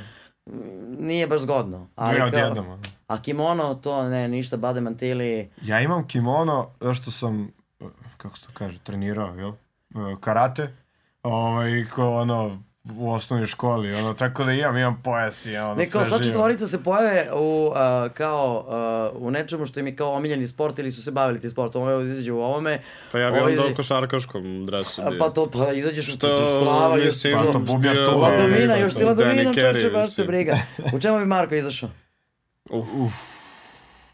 Na, u nekom, Šta on trenirao čovjek? Pa šta je trenirao? Da li je, mislim, šta, je, voli- šta voli da gleda? Šta voli da gleda? je? Pa i to, ne znam šta, on voli da gleda ono, možda trke neki, a ne mislim da je to sport, ono. Ka- Kaciga. Pa da, ono. Kacigu čoveče. I Bane, To sam ja tela, pošto ja volim ovaj, Da, Bane nema šta nije radio. Ja sam tela da, pošto imam kacigu, jednu sam nosila u kolima godinama, kao u slučaju da, da imam drugara nekog koji vozi bajka, Aha. da hoće me provoza, a nema kacigu rezervnu, ja imam u kolima. Ja sam u puntu stavljam sam u gepeku, nosila kacigu. Za svaki spremno, slučaj. spremno, I da. onda sam se zezala, rekao, svi mogu napravim foru, brate, mili, neko sedi sa mnom u kolima i snima ovaj, face drugih vozača, ja stavim kacigu na glavu i vozim punta, nema mali, opušteno po gradu, razumeš? I ono kao snimate face, znaš, ono sa strane, kao. Tako da, mogli bi nekad da binu, ali ono kao podignemo ono kao vizir i kao... To ako se posebno plašiš za život, da nosiš kacingu za motor dok voziš. Ja na Ja kad skočimo pevam na bajk publiku. skupu, o, Ne. brate, izađem sa onim, znaš, je teško malo, kao, znaš. Ali to bi bilo zanimljivo, znaš, kad jedan izađe kao atletičar, kao, znaš. I to oni stare varijante, ono, sa šortići, Pa, oni što su e, ima, ima Paja uh, kostim Spidermana crnog. Ceo Okej, crn. da, ne, da nema glavu, bio, ono, to je toliko usko, znači ono je, ja kad ga vidim kao, bre, Kao onaj, znaš, znaš oni što su jednobojni, oni kao green screen suit. Mhm. Da, e, pa da, to, je to, to, to, samo, to. samo full ono kao Spidey, ali crni. ne znam kako diše čovjek. ono. Okej, nije strašno. Zapravo najveći problem je kod prstiju i na tavanju, pošto izgleda ka, kao da nosiš sunđer neki sa strane, onako, sa spoljašnje sredine. Jako čudno. Ne, ja sam imala još jednu ideju, ovaj, svojevremeno sam u uh, Rockmarku u Zagrebu kupila uh, prvo sebi kecilju, uh, crna kecilja sa uh, Janis Joplin, a onda sam svom gitaristi kupila crnu kecilju sa ono ACDC fazon, ovde, znaš, ono kao za kuvanje, ono Da. kecilje, znaš, kao, full, i onda rekao, idem da kupim i ostatku benda po kecelju i onda izađemo, razumeš svi? I svi na roštilj. I kao, znaš, kao izađemo svi u I svi keceljicama, na četiri- onako. I znaš kao majica sa, ne znam, ovim, majica sa onim izvođačem. Mi imamo kecelje sa izvođačima, šta sad kao? Jedino što posle nisam išla tamo nešto mnogo do Zagreba ovaj, u nekom momentu i kao, ajde, otići ću ako nisu u, ukinuli te kecelje, pošto ih nije uvek bilo, ili pregače. Ovaj, pa da, ulazim tamo i kažem, meni treba, imali ste one, znaš, onako u fazonu me pitamo, kako se kod vas kaže kecelja? Kao, pregača, tako da eto, mo, eto, dala sam ideju, možete i vi možda, ako vam se svidi. To je Može, ima, imam lošu jako foru, da svi onako, kad treba dobijemo neku novu pesmu, ne moramo mi, ali neko, eto, kome ovo nije glupo, da uzmu svi kecelje, slikaju se i kažu nešto se novo kuva u našoj kuhinji. A... Užas, i onda... Može i tako. Okej, e, ali čekaj, nije toliko ovaj, strašna ideja. se, taj sledeći album na kome radite, po čemu će se razlikovati od ovaj... Pa ništa, sve baš- isto, šalim se. Sve jedno te isto i Ko je jedno baš to te rekao? Prepade me. Valjda oni vlada i kljunu, nešto, kako se zove, e, nešto su pričali kao šta je novi album, kaže sve iste pesme i jedna nova. Ali se, nije. Mislim, mi ono, Pa slušaj, ima bendova svetski koji prave godinama jednu te istu pesmu. Mislim, da, znaš. da, da, da. I volimo ih. I, Da. znaš, kao sve to cool. Ovaj, ne znam, mi smo se sad trudili za ovaj novi album da zvučno kao zvuči modernije, ali ne možemo mi da pomegnemo ono nas, barem kao nekog mog pevanja, jer ono, čim, kako god da je neka muzika i to, čim krene taj neki vokal, Odmah zamislimo Ono- Maroon 5, zamislimo tako te neke bendove koji... pa da, Ne, ono, pa, Maroon Pepper 5 se prepoznaš super. odmah, ono. Da, i to... Maroon 5 je super primjer, nego jednostavno probali smo i sve vrste zezanja, bukvalno zezanja, i autotune, i reverb, i reverse, i napred, da napravimo sve te moderne muzičke fore u pesmi, jer to zapravo dosta ima vokala koji se blenduje, oktava gore, oktava dole i, te, i takve te zezalice i ok, za neke pesme leži, za neke ne, ali bolje da, Da, se da. držimo prirodnog stava, boja glasa i šta možemo uradimo Pa sa da. tim. I za sad nam je cool. Tako da da, idejno je, idejno je sve slično, mislim, slično. Kao prvi album, trudimo se da barem modernije zvuči, ali tematika nekih ovaj, stvari je i dalje slična, i dalje je to neka ljubav, polu depresija, polu srećno u zavisnosti od pesme. U zavisnosti od toga da li sam raskinuo s devojkom ili nisam. A evo, pa najnovija pesma što smo izbacili, ti me voziš. Samo tebe, To je sve super. Traži samo To je sve super. Čekaj, a ko stvarno sad na kraju, ti pišeš tekstove ili zajedno Pa pišete Marko tekstove? i Ili... ja i, i svi onako, ali najviše Marko i ja onako, to, neko ima nek, zapisao neku ideju na telefonu pa se od toga razradi ili neki skroz tekst pa se onda menja, ono sednemo svi pa možda nešto Ono, dodamo, Zapisana ideja na telefonu, ali što je interesantno je, znaš, e, ja kao na primjer imam tako ideje u telefonu, naravno, i sad ono se setim ono, s, s početka svog života, ovog društvenog, kao nekako i kad ovi matorci pričaju, sve su nešto zapisivali, pa razumeš te i kao, Pa kad ste posljednji potpisali rukom? Nešto, a da nije ono u E, pa- banci da se mora se potpišeš nešto. Ja sam, ja sam jutros, jer mi posao tako zahteva da je onako neko razmišljanje, crtanje, neko programiranje i tako to, tako ja pišem ono Sva, stvarno. ali svako ima svoj princip, to jeste, bilo kog tekstopisca i pevača da, da pitaš ozbiljnijeg, on svako ima neku svoju fo- foru, da li melodija, da li tekst, da li... Jednom kad sam pričao sa Đuletom iz Van Gogha pre 100 godina, kaže kao ja uzmem drvo, ne znam, napiši jednu reč ili srce ili znaš, onako povadi, vadi koncept, kao kapiraš. Da, i stavi papiriće u jednu činiju I kao, i bukvalno, vadi da ovako. I kao, ova reč, reč. Pa slušaj, ima pesama koje zvuče kao da je to zaista tako i rađeno. Mm. Da, i ono kao, ne, znaš, ono pročita, ako čuješ nečiju pesmu i kao, aha, kao, kojom logikom je osoba došla do ove rečenice? Do ovog stiha. Kako je uopšte nekome palo na pamet da napiše ovo? Kao, kako to sad dođe do toga? I onda shvatiš da je vrlo verovatno to ono kao, Da nije ni došlo. slučajnim izborom. Da, kao da, da. nečega, umetnička intuicija se to zove. Jel tako? Samog sebe vodiš do teksta koji želiš da napišeš. Da, da, ne, ba, Iako dobro. nemaš pojma šta želiš, ali želiš dobar tekst. Skoro sam nešto čitao sad dalje, to istina valjda. Uh, kao Robert Plant, ono za Stereo to Heaven ili tako nešto, to je bila neka noć, nešto burno, ne znam ja šta se tu sve izdešavalo. I kao on je to neki deo teksta seba piše i kao bio super, o kako je ovo, jo, vrh, vrh i ono ujutru se budi, ne, ne znam ni on šta je to, ne znam šta je to pisao, ono, ko da je ono kad kucaš kod pa ono 7 dana posle ne znaš ni ti šta si tu radio on. Ali kao eto od toga je nešto započelo. Krenulo, pa da, da, da, dobro, da. a slušaj, ima razno raznih fora, ima ovih koji su tako ove koristili koje kakva sredstva, pa onda kao ode negde u tri lepe, razumeš, i to negde ima smisla, kad, a isto tako, vratno, probudio sam se kao, Da, da, pa to. kao, otreznio sam se ili sam, ono, Ovaj jel te? kružić, ono. I kao, mm, ček da vidim šta sam ja ovde napisao. Šta se razumeš? desilo? Ove, a šta tebi treba da se desi u glavi uh, ili Marku, ovaj, da, da bi kao, mislim, kako tebi dolazi tekst? Uh, ja najviše, znači, kad god idem negde, slušam ljude, slušam neku pesmu na ono, stranu ili neko na radiju nešto kaže, što meni onako ostaje mi utisak, ono, meni, ne znam, možda je to nekom glupo ta rečenica, meni bude zanimljivo i onda samo zapišem negde ono u novcu.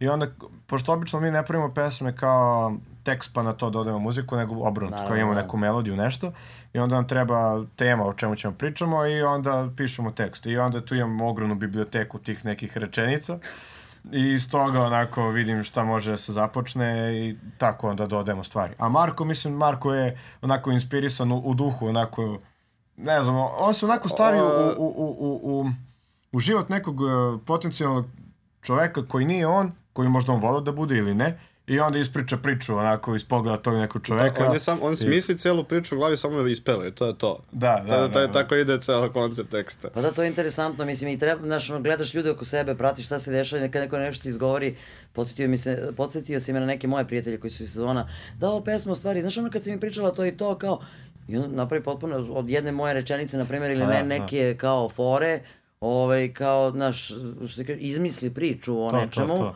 Ali kao, ovaj, uh, vidiš, ja sam svoje vremeno baš na početku o, ove, uh, ove priče, uh, koje smo krenuli da radimo, pa kad smo pričali o nastanku pesama, ovaj, uh, poredili sa, sa nekim tu matorcima. sa nekim e, starijim kolegama vašim, ovaj, to e, koliko je potrebno da jedan muzičar e, koji pravi svoje pesme ima svojih iskustava i to nešto emotivno da mora da mu se desi da bi napisao zaista dobru pesmu koja ostaje. Znaš, jer dobro, nek, nekad hit možda napišeš na osnovu ne znam ja čega, mm. ali ti da bi uh, čak i prepoznao te neke tuđe priče i da bi mogao da se ubaciš u te priče, nekako ti treba to nešto, da bi, znaš, ono, kao... Pa najle, koliko... najlepše kad je iz iskustva napisan pa tekst. Pa jeste, naravno da je najlepše, mislim, to je da. prosto koliko god da, da li je bolno, da li je lepo, da li je šta god daje, nekako to je najiskrenije, kao, jel si ti, Uh, mislim, koliko često nailaziš na tu vrstu ovaj, da. problema s obzirom na to da dobro, mislim, već ste prošli, krećete da, da. doživljavate sve i svašta, razumeš, ali ono kao nije isto kao sa, kad si pisao, na primjer, nešto sa 16, 17, 18 godina, kao što, znaš, kao nema pojma šta da, se oko njega da, desilo da. i koliko ima, koliko imaš sad godina? 18, šajn, imam, 20, imam 23 godine. Uj, je celih čoveč. Čak, čak i koča ovde stariji od vas. Je, oh. Too old. To, a te pa, da ti si stariji? Ja, 28. Oho, e... ti si stariji od Kočo, Kočo, nisi najstariji od ove dece. da. Iako mi inače ljudi daju 96. uglavnom ili 97. Uh, vidi, opet ti kažem, ja sam 96. Da, išao na matursku ekskurziju, tako da... Ovaj, Gde je ne, bila ekskurzija? 97. Uh, 97. je završena, ali ono kao 96. je bila zato što je kao ranije išli smo u Grčku. Aha. U, išli smo Atina. u Atinu, pa na, na, čoveče, pa ono spavali u leptokari, pa išli na meteore, pa to. dole do Atine, pa se vraćali, pa svašta smo videla one korpe gde su stavljali da, da, da, sve nestaše, gledala, da. nestaše sveštenike. Ima neki... Da, da, da, to je fan, fa, fantastično bilo, da. Ali meni najveći utisak ostavilo to što smo mi morali da nosimo suknje da ispod kolena devojke su morale da imaju. Uh mhm. -huh. Neki su čak morale ono da spuštaju, ovaj, znaš, pošto ne možeš da uđeš kao žensko tamo, ovaj, u pantalonama i da ti uh mhm. -huh. budu gola kolena. Bar je tako bilo kad sam ja. U moje vreme, u moje vreme, nego da se vratimo mi na ovu temu o pisanju pesama. Ovaj, koliko ti je drugačije sad kad malo već krećeš nešto da doživljavaš Iako pa, kažem i dalje si dovoljno mlad da neke stvari ti nisu skroz ono, da, se da, da, pa mislim mora tu neke stvari da se izmisle naravno jer ni, ovaj, nismo, nisam, barem ja nisam imao toliko buran život, ono, ja sam malo dosadan. Ono, ja sam malo fin, dečko. Zato tako si, dobro svira gitaru. Da, ja sam ono štreber koji, ono, svira i peva i otko znam, vode da uči, ono. A, Ali tako da, dešavaju se stvari, barem neke koje idejno nešto pokrenu, pa sada nešto se desi, nešto ne, naravno nešto bih voleo, a nešto i ne bih. Ali ja najviše volim, mislim tako se nekako ispostavi, sad da, da to muzičar ili tako neki ljudi mogu da osete ili ne znam, ja možda da se tako desi, je da drugi izvođači koji onako iskreno prave muziku, nekako oseti se, pogotovo, ne znam, ja dosta stranih onako izvođača slušam, dosta se oseti to kad neko pravi muziku radi biznisa i neko pravi muziku radi ono nečega što ima u sebi i hoće da, da to ostane iza njega ili samo hoće da to izbaci iz sebe. Ovaj. I ne znam, meni je to najlepše. Ja nekako najviše težim ka tome, onako, nesvesno me takva muzika privlači. Sad možda... Znači možda... ti negde prirodno imaš to da prepoznaš emociju u, pa ne znam, možda i sad, u tuđim pesmama. Mo, možda i ti ljudi ono lažu sve, ono. ali ne znam, ne, nekako ja osjećam da je to, to, to iskreno i, i, i mislim mogu da slušam i ove druge stvari, volim ja i tu naravno ne mora samo tekst da to bude dobro, volim ja neku muziku gde, gde onako melodija mi je važna, a ne znam ni o čemu peva. Uh, ali nekako se uvek ispostavi da i kad mi se svi tako neka melodija, kad onda čujem tekst opet ispane da je neki dobar. pa dobro. A ovaj, a, reci ti meni, reci ti meni, Gledaj kako, mi, kako su me pogledali kao. Da, izvoli. Šta treba? Koliko je sati? kako, koliko je sati? Ja si ide nekom u WC, treba neko da žuri negde, šta? Imaš, ne imaš 10 dinara, fali bi kao za pljugi. A još 30. Kaj ste platili parking? Kaj ja, imali smo neku probu skoro, nešto je bilo, uh, ne znam sad, pošto mi imamo budžet benda, jeli? Onda iz tog budžeta bend Bravo. plaća probe. Kao da Baja Patka, ona kula u kojoj ima zlatnika. Da, da, to, da, to. ali ne, ono, neko uzme pivo onako na probi i sada ovaj, ono, doplati on, otko znam. I onda se tako desilo nešto, da, mislili smo da je pivo 100 dinara, a zapravo je 130, ne pojma. I onda je Mare, onda je imao sitno 100 dinara i onda je išao do nas, a još 30 kinti. Nemam. E, ali vidiš što je interesantno, opet se dotičemo, to je kao neke love. Sad kao ima e, ljudi, znaš, koji e, automatski čim krenu da se bave ne, nekom vrstom muzike koja može da postane popularna, to se razmišlja kao aha, kao dobro i kao u nekom momentu se tu nešto zarađuje. Koliko je vama tu bitno, e, a mislim mora biti bitno jer posle nekoliko godina akanje i cimanje i ovog svega, razumeš, nekad dođeš i kažeš, aman, čemu sve ovo? Ili ste u fazonu, ma baš mi briga i da ne zaradimo kao u fazonu mi to radimo, volimo i super nam je to sve. Pa pre prvog albuma smo bili u tom fazonu, ma baš me briga, jer stvarno, ono, Onda smo, nismo imali ni, nikakav, kažem, portfolio na osnovu koga mi možemo da odemo negde da sviramo i da tražimo nek, nekakav novac, a da nije za put.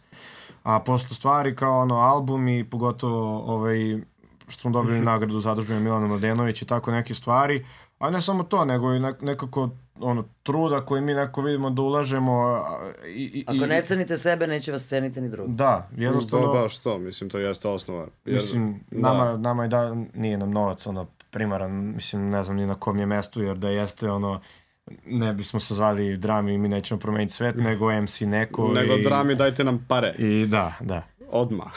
Dajte nam pare. Unapred toliko. Ne, ja, ja mislim da nam treba samo egzistencijalno da možemo za početak, bar u ovoj fazi, da nastavimo da pišemo, jer pare, vreme košta, album, drugi album. Sve košta, s- žica košta, Mi radimo, proba košta, da. sve Pare košta. vreme košta album. Album. Paja 2025.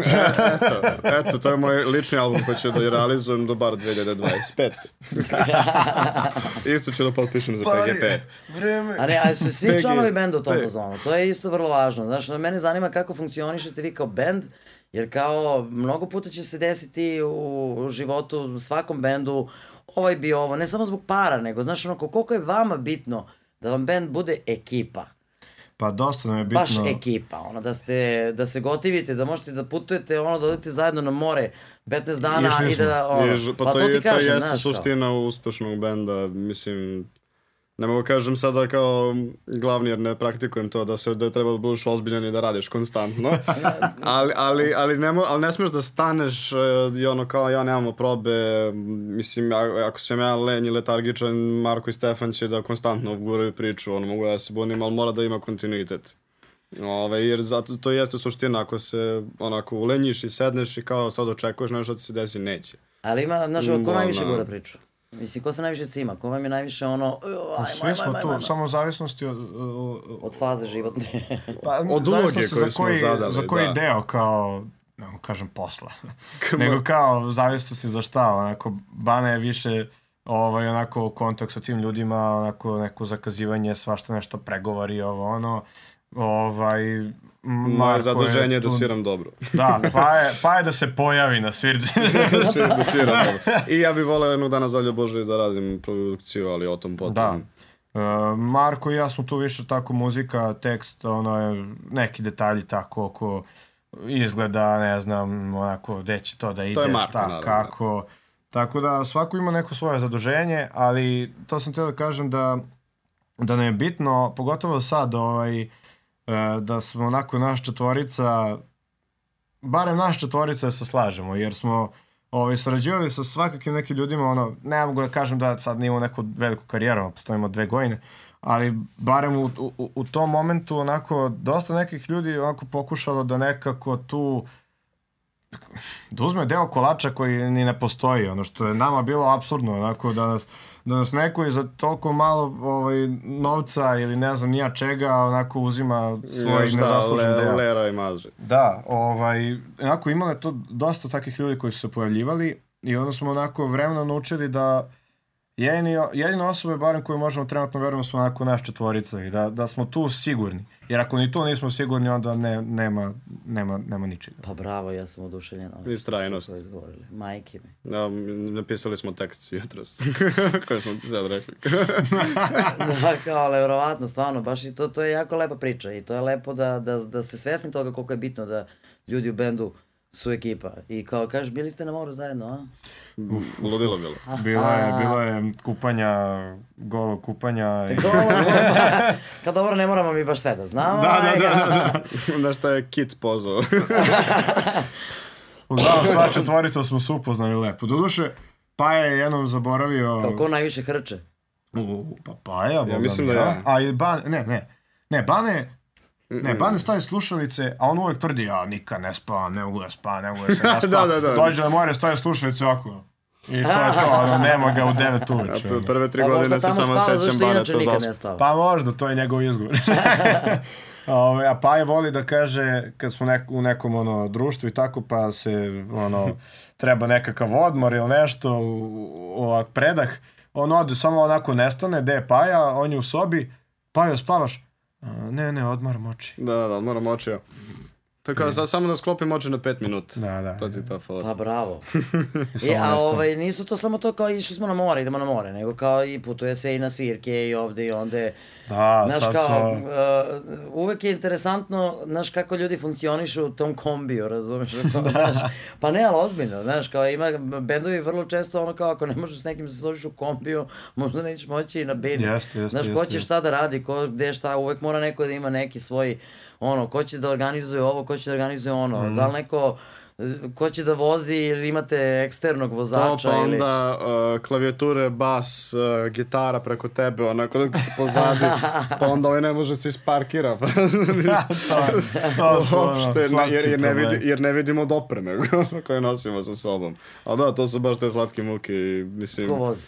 Uh, ko stigne kada krenemo, nas trojica, znači Marko, Bane i ja vozimo, kad krenemo vozi kogod, a u povratku uglavnom Bane, zato što je... Što je jedini ne pije. Ja Pa, ja treba da položi testove iz vožnje prvo. Testove vožnje. Čekaj, jel realno da ti Ovo- batice nemaš vozačku dozvolu? Ovo se katuje. Ovo je ka... šta je? Sit, sit. Ovo, nema mi to, ne znam kako ti opišem kako je to tužna priča jedna. E, to i- jeste, zato sam ti rekao, Ali, ali realno slušaj, slušaj, još stvarno malo, trebalo bi, ja mislim, početkom septembra da mi budu polaganje i onda o tom potom. ali bit će. Ali je jedna stvarno tužna priča životna, ovaj, niko nije naravno povređen, hvala Bogu. Hoće napišeš ali- pesmu o A, tome e, ali bukvalno, nemam kola. Ne, ali, ali, ali imam ključ. Nemam vozačku dozvolu, to je još tragičnije. Da. Pa Nisam ni ja čekaj. godinama imala kola. Pa čekaj, razumeš? dobro, sam- mislim, neću da se ali sam položila ekspozujem. vožnju s 20 godina. Neću da se sam ekspozujem mnogo, vozio sam jako bez vozačke dozvole, samo što... To Ja, to je bilo bre. nešto. Slušaj, ti znaš da nam je u komšiluku 29. Znam da jako dobro. Da. Nešto smo Nemoj da išli... dovedem dr- drugari. Bam. Još smo išli na divčibare i kao otišli u tempo da, da kupimo, ne znam, da pijemo, jedemo, a Paja bio kao, e čekaj ćemo sve u kolima, važi. I mi se vraćamo i on kao, e, znaš da sam vozio napred i nazad kolom. Mislim, što reći od svega, što reći od svega, to sam se sprdao. Ali ja sam, ali ja sam jednom ušao u Maretova kola i kao krenuo da isparkiram i namerno pustim gas i jače, krenem, vuj, odmah stavio kočnicu, Mare. Ja, kao za To da glavu. bi meni uradio. E, da, da, da, ja, ja bio bi fazonu, ja bio fazonu, ha, ha, ha, Mare, napolje. da, da, da, da, da. Moj Tako čovjek, da. brate, ja, znači ja bi te udavila. E, stromirao se, dobro, mislim, nije toliko strašno. Pa ti si sklon tome da istraumiraš narod, ovaj, tako. To je taj sadist u meni, veruj mi. E, ali ovaj, ja, koliko vam je interesantno to kad se ide negde kao, e, da vidiš kao rajder, kako ih stavili smo u rajder, rakiju. Da. Znači, e, sad čekaj, znači meni je to super interesantno, pošto sam radila kao i kao koncerte iza, pa ono, videla neke tu rajdere, pa uvek gledam kako je interesantno ljudima, znači ono, rajderi. Interesantne kao, znaš, stvari padaju na pamet. da, da, e sad, kad pravite rajder, kao jeste stvarno ono kao normalni, kao u fazonu ovo je stvarno neophodno da imamo zbog toga, toga i toga, ili ste u fazonu, e, sad ćemo, tražimo, Pa- ne znam, ko oni metalci što su Rakiću tražili kinder jaje. Pa ne, Pa ne, ali to je to. super fora, mislim da se vratimo samo uh, na sekundicu na to, bend je tražio Kinder jaja, koliko ima članova benda, u Toliko svakoj zemlji gde odu, toliko Kinder jaja, onda oni otvore da vide šta ima u Kinder jaja, Odlična u toj zemlji, razumeš? I to je super Odlično. fora, možete da mazate fora što vas briga. Mi smo krenuli s tim rajderima ono skromno, samo što nam treba bukvalno voda i pivo. Pre pivo. Da, dobro, ono, i onda smo dodali, na primjer, Ja čekaj, kad smo kod pića, mislim, niste dosuli E, tamo da, da, da, rakija. da. Mm, sad sad ćemo mi, evo. Biću Ovaj, kelner opusti. ne, I kako se zove, onda smo dodali, na primjer, poželjno je bilo flaša nekakve žestine. I to je prošlo. Pa smo dodali još jednu. I to je prošlo. I sad imamo nekakvu ideju da ubacimo i belo vino. I, mislim, ne, ne, naravno ne pijemo mi sve to, nego u zavisnosti od Pa večeri, ne mogu ja da tražite znam. ono št- pa, šta mi se bude pila te večeri? Pa da. Mi, i, mi nemamo taj problem, mi samo kažemo Jack. Stvari, izvini, ovo je bila moja čaša, a daj tvoje. Ovaj, da, ne znam, nekad ne, ne pijemo ništa, ono. Ovaj, ali dobro je da se nađe. Ovaj, Ali čekaj, tako da si u fazonu, recimo sad sviramo negde gde garantuješ, ono, garantuju ti da ću prilike sve će ti daju, šta god treba, recimo, vi ste sad tu neke ono super zvezde i znaš da će ono sve da vam se sklopi, znači, a opet negde je, uh, e sad ono, kao klopa, piće, ovo, ono, i sad, Da. ajde da uzmemo kao ono domaći zadatak, šta bi vi tu sve tražili u tom rajderu, da možete bukvalno dobiti šta god želite. Ja pod jedan, kraftovana piva. Kraftovana onako zanatska, lepa, mala, domaća, hladna. Sa ono raznim ukusima, ne znam ni ja. Drugo voda. I treće A neko... od klope? Uh, suši. Suši pred svirku. Što si A ne, bolje fancy, ja će me, A, back, a backstage-u kastavčići, znaš, one kremi krema, onako, I onda spa centar wellness. pa ako centar wellness. Pa čoče, znaš ti da rock and roll, bre, podrazumeva da si mnogo zezno zajedno, Molim, na ovi, pinu, ono, ovi da iz Metalike piju ban, one energetske piće i jedu banane, bre, na rajderu tamo, nema ničega ekstremnog. Ali dobro, do duše, oni su svi strošili, ono, tokom A dobro, karijere. ti šta bi ti, ono, kod da kažeš kao klopa, ova, ona, nešto. Klopa definitivno, pivo sigurno. A da, koja je klopa, bre? Pa definitivno pivo. Pa neki roštilj, neki roštilj, da. E, a, kako ste dureci, ja, ovo je suši je dobra fora, Brdo, mislim, brdo to. crnog luka ili po mogućnosti belog, jer ovako onako sam bubnjar, neću nešto mnogo da minglujem sa devojkama, tako da može se jede lukac, A sam nije Milana kao, problem. dobre, dobre, dobre, da, da, lepo da. sam ga Ljubav, ljubav i biznis i biznis. Da, biznis je biznis, da, kao u fazonu, da, pa ima ta fora, znaš, kao da, kao da se u javnosti ne zna da li imam ili nemam ribu, razumeš, ženu ili šta već.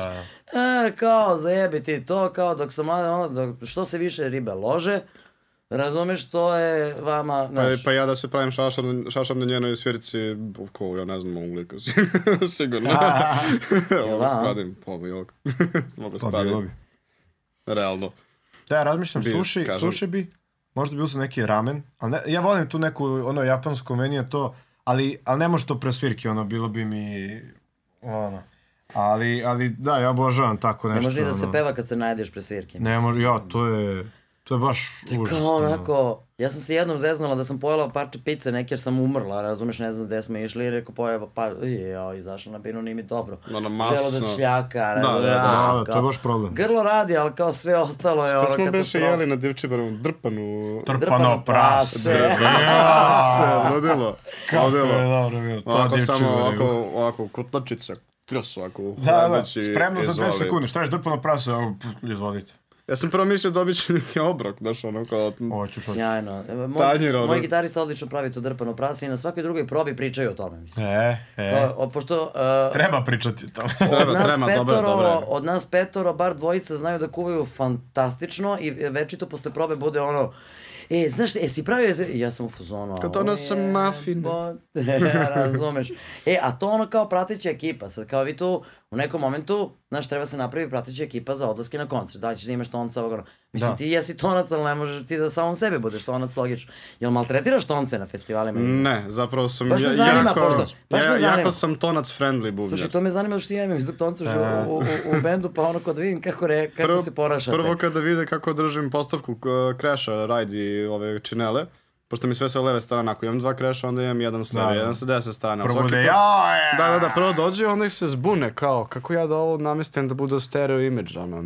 Aha, pa onda radit ću ovako sa strane, ali ne pomeram u odnosu na druge desnoruke bubnjare, jer kao levoruk samo sviram sve isto kao desnoruki bubnjari, samo što mi je radit sa leve strane i onda to jako zna da zbuni, jer kao, Jeste, ali sve su mi uglavnom, činele s jedne strane. uglavnom su tonci, pogotovo na festivalima, ono, dobri su Okej stvarno. su, da. Nemamo toliko problema, a ako ne, imamo nekakav problem, tu je Bane.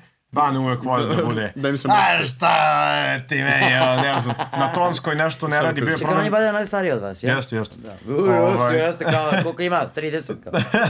I e, bilo je neki, Koliko bio ima? neki, 33. ima 33. Opa, Da. pa vi niste mlad band, baš toliko, kao. ovaj, bio je problem nešto pojačalo na nekom festivalu, a Bane ima, znači Bane vodi računa o kablu, ima ono posle svake svirke i horiba, uvek pre Ja. svirke testira, baš ono, mislim, kako treba, jel? Jel daje ime i kablovima? Kako? E, znaš što bi mogu da pitam? Ne, ali bi vratno odrubio glavu Marko ako izgubi, pošto mu uvek pozajmi kablovi, jer Marko nema svoja dva kabla od kaga ja znam, ono, ono 10 godina. D-box. A, i, i, I onda je bio problem s nekim pojačalom, ali nije, mogu, nije se odmah uspostavilo s čime je problem. Kao Bane proba bas i ono nešto šuš ti prekida, zna. I tonac kao, ma to ti je do kabla. I vidiš Bane, ma moj kabel radi 100%, a, ti meni ga... A, a prvo, prvo ga je oladio, što je, kaže kao do tvojeg basa ili do kabla.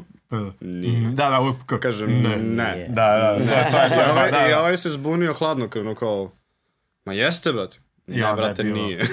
I, onda, I onda tu za, I onda su uspostavili stvarno da nije do njega i... Uh, Mislim, dobro. to njemu da se desi? Da, da, mislim da okej da imamo jednog tako sa stavom, tako nekim da ne, mož, ne mora svako da nam se, jer desi se, ok, imali smo menadžera pre, ali sada kada smo onako na, na svoju ruku, da kažem, ovaj, nismo toliko još mnogo veliki da nas ljudi shvate ozbiljno u nekim takvim situacijama, kada, na primjer, kasne tonske probe. I onda smo mi na redu, iako smo stigli je- sat vremena ranije, ono, neće niko da kaže nekom većem kao, ej, ajde, ajde malo, ajde treba, ne, nego će nama da govore, naravno, jer smo nebitni u odnosu na ostale. Ili ako se nekom od headlinera samo čefne da ne dođe tačno na tonsku, Da, da, pa jer to- što to bi došlo tačno na tonsku. I onda I kao, ej, onda- ajde vi momci, ajde malo, ajde Oni to kao. pravi, oni headlineri dolaze To i to tačno na vreme Pa za da. sve. I, ja mislim, suštinski, Osim to jeste rock and roll, da. mislim, kao, ja, ja, okej, nama to ide na štetu, to jeste rock and roll, šta me ne briga, šta si ti, okej, ne moraš da budeš takav uvek, ali dešava se. A s druge strane, mislim, imali smo i da trenutke koje smo imali vremena lepo da se postavimo, super koordinacija, iskreno mislim da svaki band koji hoće stvarno da se bavi profesionalnom muzikom, mora da ima svog tonca koji je zapravo suštinski član benda, jer ti on I tu oblikuje... i tamo nekog zamenskog koji može da, Da, uveće kad da, ovaj ne može, da, pošto da, su da, oni da. obično rasprodati ovi A to najbolji. je već next level, to bi značilo da ja imam prijatelja koji zna sve moje pesme, da, evo, kao što sam urnakazio nogu, na primjer, da nam ovo čovjek može da me zameni. Eto, ni prijatelji nam ne znaju pesme. Prijatelji, da, I have no friends. Dobro, oni znaju pesme, ali ne znaju možda da odsviraju, da, urede, da, o, znaš, da te detalje ne znaju. da, da. Nemoj tako, molim te, razumeš. Nisam, ali ne, ali nisam vidio ni jedan drum cover naših Ne, pesama. u svakom slučaju u nekom momentu kao kad, kad se krene na neke, u neke akcije i kad bude ono budžeta za takve stvari, logično je da imate uh, i kao nekog tonca, da imate Pa nekoga imamo, ko će mislim, tu da vam pomaže kao ili kao svetlo. Pa onda Imamo i logično je da imate u nekom momentu vozača, razumeš? Evo ja se javljam Da. za to. Ne, to je, to je sve super krenulo tad ono pre korone, imali smo to, kažem, i dizajnera i tonca i svašta, tako malo se ekipa šira fotografa. Imali ste čak i Ovaj. menadžera, sad više nemate ni to. Da, sada mislim imamo menadžer, sad je Bane glavni menadžer za sve to. Tako da, ovaj, Znači, Bane, da. Bane je preuzeo sve, sve oko Ali ne misliš da je možda bolje da, da neko ko je uh, van benda, mislim, sa strane, A, da negde pa, kao, znaš, Da, da, to bi, ne to da bi imam najbolje. nešto protiv ovaj, Baretovih... Ne, to bi najbolje bilo, na, da, ali trenutno smo ono, Ponude su... ljude, da, ponude koje imamo, a nisu nam obećavajući. Ovaj, ali da, trudimo se da, da nađemo tako da ako neko sluša, šalim se.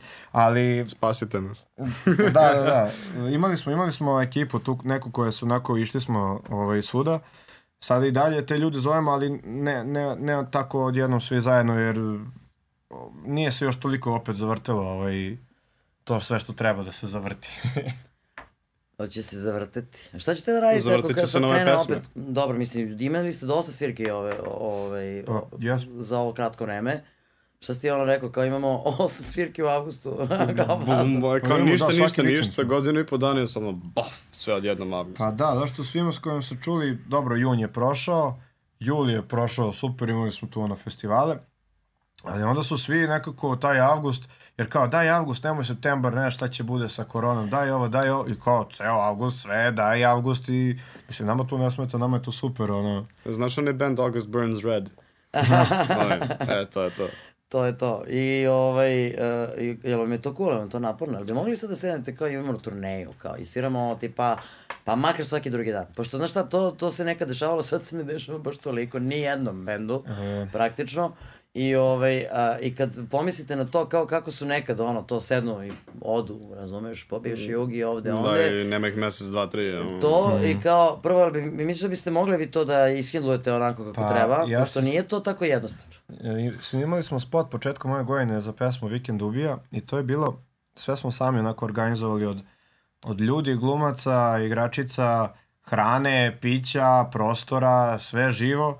Ovaj, to je snimanje trajalo od 8 ujutru do 11 uveče. Ono, ceo, ono, čak smo spustili malo, mislim, tamo se sve zatvoro u 10, ali kao, ajde, ono, molili smo tamo ljude.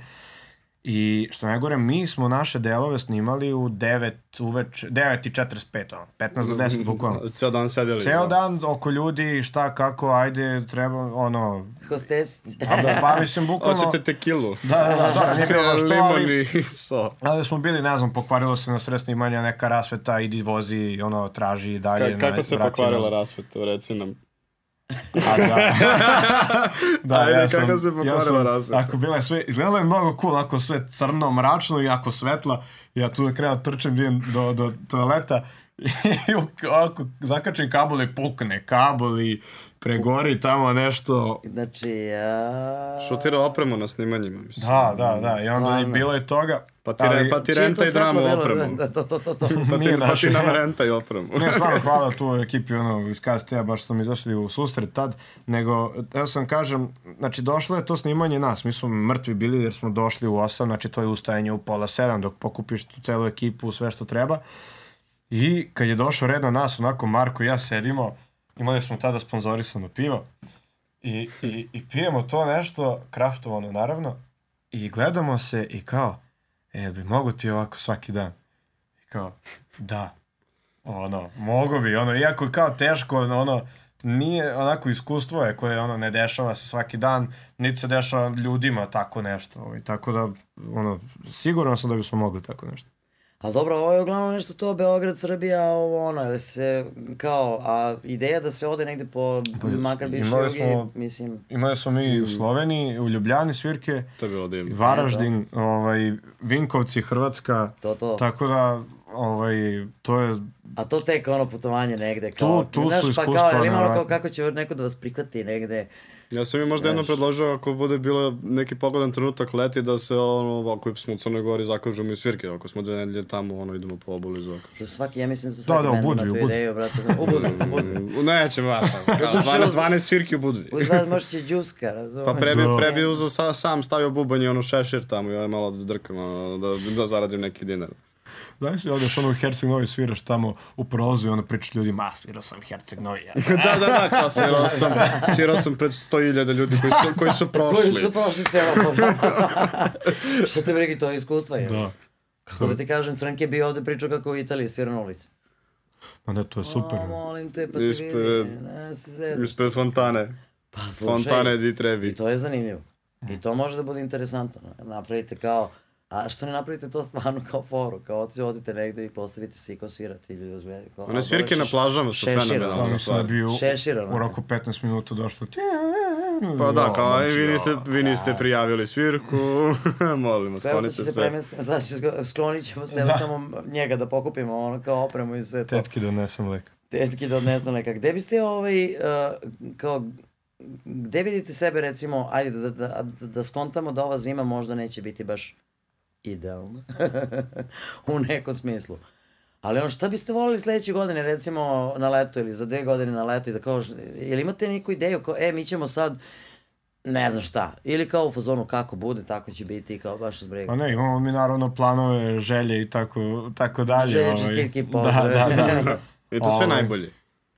Zato sve naravno zavisi od situacije, ali mislim, prošli smo već dosta tih nekih velikih domaćih festivala, nekako nam je sad više cilj da, da idemo van Srbije, ovaj, pogotovo što eh, manje nas ljudi tamo zna, a nekako mislim da ima potencijal tamo, ta neka naša muzika za, za, za Slovenijom i Hrvatskom, nekako mislim da tamo bi nas ljudi slušali, a i svako iskustvo koje imamo tamo je bilo ono predobro, nekako van Srbije, nekako su nas dočekali kao da smo ne znam ni ja šta, ovaj, imali smo baš, baš uvek U pozitivne Sloveniji iskustva kad god smo svirali u Stični, to je bilo totalno royal treat, znači mi smo se oduševili, smo verovali što se dešava, ono, hoćete ovo, hoćete has, hoćete piće, ima sve, ali na kraju su, smo, ja mislim da smo Banija čuli u jednom trenutku da su ovi kao ćemo da im damo neke hookers i osve, kao, znaš, do, to, do te mere čašćavanja i to, to gostoprimstvo je bilo nerealno, mislim, a Da, pritom, oni ljudi koliko piju, bože me sačuvaj, a mi, a mi pokušavamo da stignemo sa njima, ali ne Bane može, ih je, ostali smo tamo dve večeri, on tri dana, Bane ih je prvo večer stigao, moram da kažem, on je ispoštovao.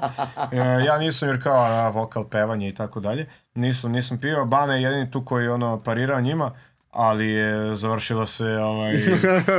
Već vam pričamo, Kako, ali... kako, kako? Pa, to je bilo, to je bila priča, priča Bane i Daj, ono daj, daj, samo... to, to, to. I ono samo kao... ja, ja sam dobio šutu muda od strane devojke, jedna koja je bila na svirci. Stvarno. Da, Da, ali nije on kriv bio, nije on Nisam- kriv bio, nisam kažem. kriv. Kako se da pijaš, šta si uradio Nisam- crni pajo? Ni- On je samo sedeo i bio lep, ali... ali... Bio, to, to, to, je, to je bilo tako ovaj, haos, jer mi smo mi svi bili jako pijani i sad ukratko devojka je htjela priča sa mnom i ovako pre, pre- preko njega, preko Marka legla ovako da bi stigla do, da priča sa mnom i neki tip je prošao Bio cirke. ljubomoran nešto. Ili ma jok, nebitno, samo bio cirki video kao sama busno čera natrtilo, samo zove fla, flašu lupio, dupio ili šta, ili nabio, ne znam šta uradio kreten i ona popizi na njega, otišao je tamo da se bio iza, iza lokala gde smo svirali, a to je izgledalo tako što ženske stvari, znači čuje se vrisak, i, že, i žena koja baca tašnu, i ona sve iza kola, mi mislimo neko silo devojku. U, u crtanom. Mi mislili neko silo devojku iste sekunde dotrčali, onako da ima šta se dešava kad ono, ona bije tog lika, znači. to se dešava i mi kao da ih razdvojimo, ne, ne, ne, super, devojka, samo gurne i BAM! I ja kao, lights out.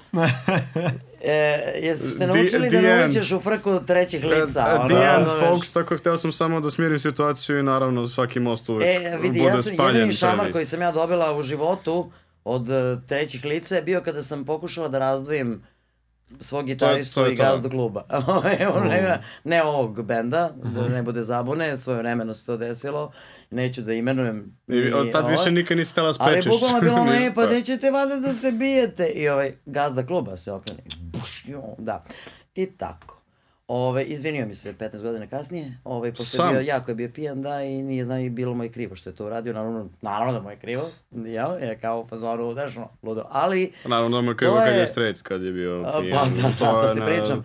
Tako da, ovaj, ne sve da jedno, dvoje opravda. ljudi, dvoje ljudi, taj adrenalinski šok koji se dešava u organizmu i u glavi, kad se biju, ovaj, svašta može da napravi, tako, tako, da, da. Pajo, ti si naučio na vreme. Ja sam bila nešto starija kad mi se to desilo, razumeš? Znači, ne uletati u frke, osim ako stvarno nije ono nešto, pa da, Da, da, da. kao šaću da ga bacim, razumeš? Pa, nau- bude, naučio sam na teže Jel bude način nekad to. problema kao nekih, da bude nekih tako ljudi, ono kao, pa ne znam, ono kao, pričao nam je Nemanja u prošloj, preprošloj emisiji, da ako ule, neki liga nešto zeza, zeza i on posle svirki, opa, razumeš. Pa, prvenstveno nama 90% publike Su žene, fine, ali vidim da te žene, te vaše žene iz publike bio Mogu i one da bole. Ne, to je bilo u Sloveniji, to su bili domaćini. Ne, ne, slušaj, žene bio tamo, znaš, pusti ti to. Nismo, nismo imali nikakav problem tako nešto fizički da se ovaj, obračunamo, a nismo ni mi neki likovi koji ćemo sad na svako Mm, provociranje da, da. do duše. Imali smo u Hrvatskoj situaciju Ovaj... lokalni navijač. Da, da, u Bože moj, Vinkovcima imali može smo- biti bilo gde. Mislim, tamo Naravno. imali smo tonsku probu, inače svirka je bila vrh, ali tonska proba, mi radimo i to je klub onako ono, hipsterski, klasičan, ono, ne znam ko voli to, sviđamo se. Preko puta toga je bio ovaj futbolski stadion i ovi su imali neku utakmicu na Vinkovci, VS, pa navedi neki hrvatski tim. I navijači tu, njih trojica, ušli u najbliži pub, to jest klub, to jest taj tu gde smo mi radili To je tonsku to na našu svirku. I njih trojica, ovaj jedan ima ono obeleže i šta već to sve ide. I skontio im da smo mi odavde, ovaj, iz Srbije. I okej, oni odu posle 15 minuta, ono, popiju pivo i posle, ono, 20 minuta ulazi 20 i nešto navijača, svi, ali ništa ne rade, samo su seli da nama bude neprijatno i Aj, ono, svi nas. A gledaju, da, to su one fore kao se. make the first move, ali nije, daj, kažem, desi se, nažalost. Da, Ili je da. bilo, samo da Mi smo, ne, mi smo čije, bili, ovaj, ne, mi smo bili u fazonu dobro, mi idemo se proštamo po gradu, a ostali tamo, Da, ne, ili, išli, smo- do, ili išli do smeštaja. Da, da, otišli smo i kao, ono, šta se Odradili, dešava. ovde posle odradili tonsku, vratili se. i- Koji vratili se sa našim I- navijačima.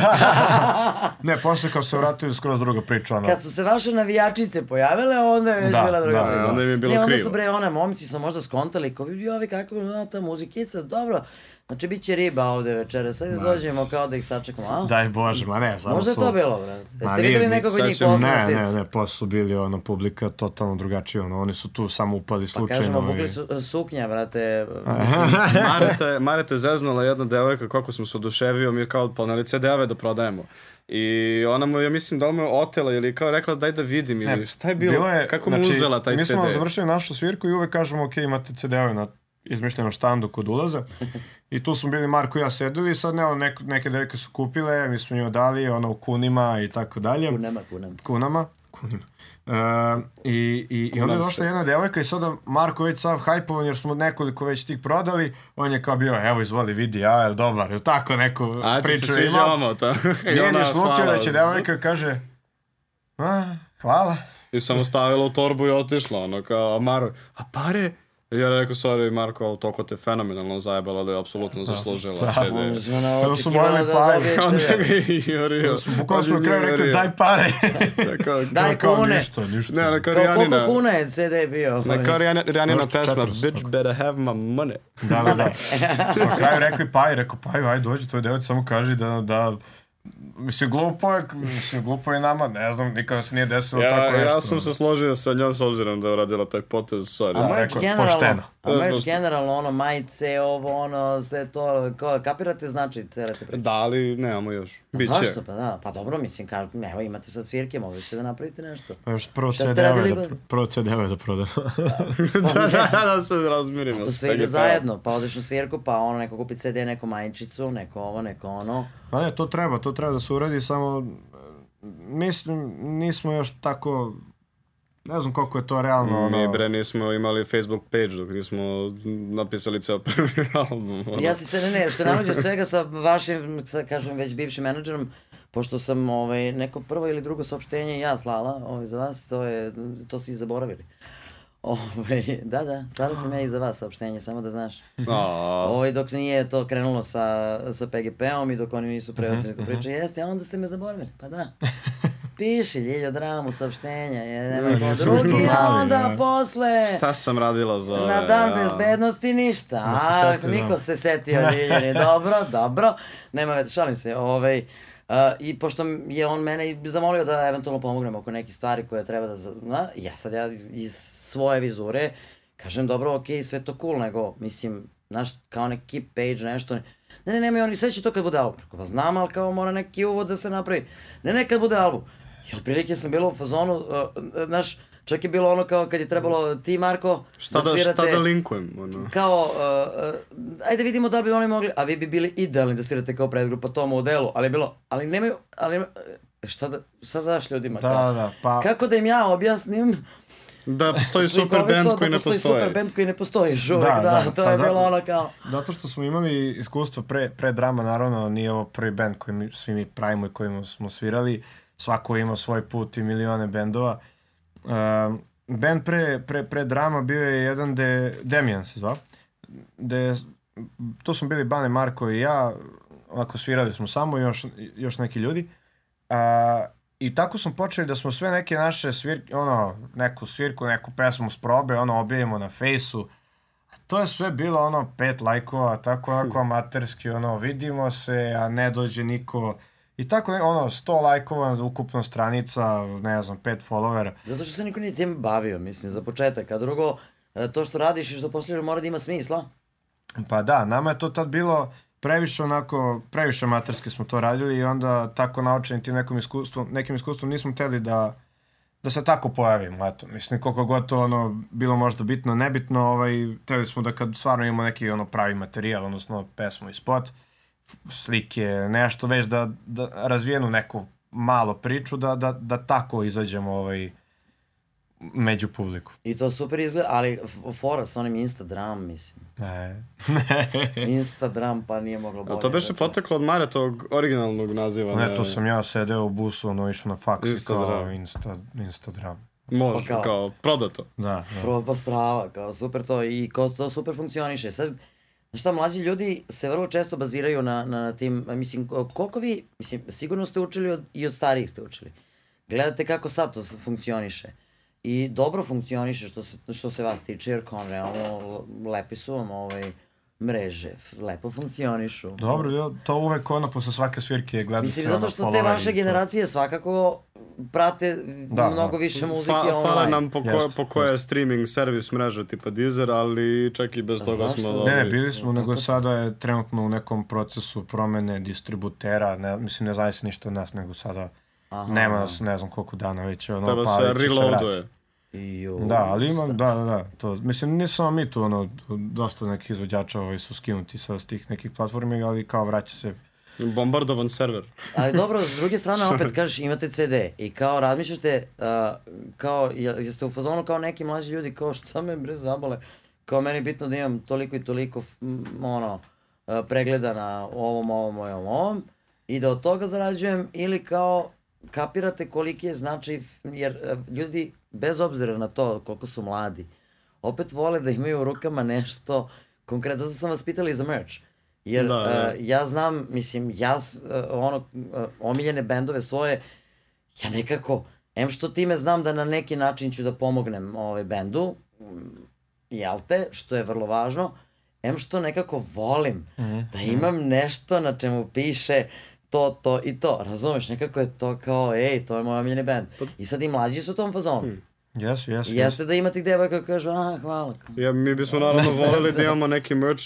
Malo se prenemažemo oko toga jer ne znamo da li da napravimo, na primjer, te kao majice, te zezalice, da li da bude neki kao dobar oblik drama, da da napravimo neki logo, jer to se najviše plašim. Ja bi ja iskreno volao da imam logo, ali ne, ništa ne pada na pamet šta bi mogli da Još imate napravimo. logo? Ne postoji ono logo. Mislim, za- logo nam je za- Da, naša- čovječe, kad malo bolje razmislim, Slova. vi nemate logo. Mi nemamo logo. Imamo I samo dram, onda- mali slojima i to. Znaš, ono sad bilo okej da smo, znaš, ono, smak, znaš, ono, kao majice, to, to je sve u redu, zato što to... Ali još bolje fora, ono, kad samo piše drama. Mm, mm. To, to je to.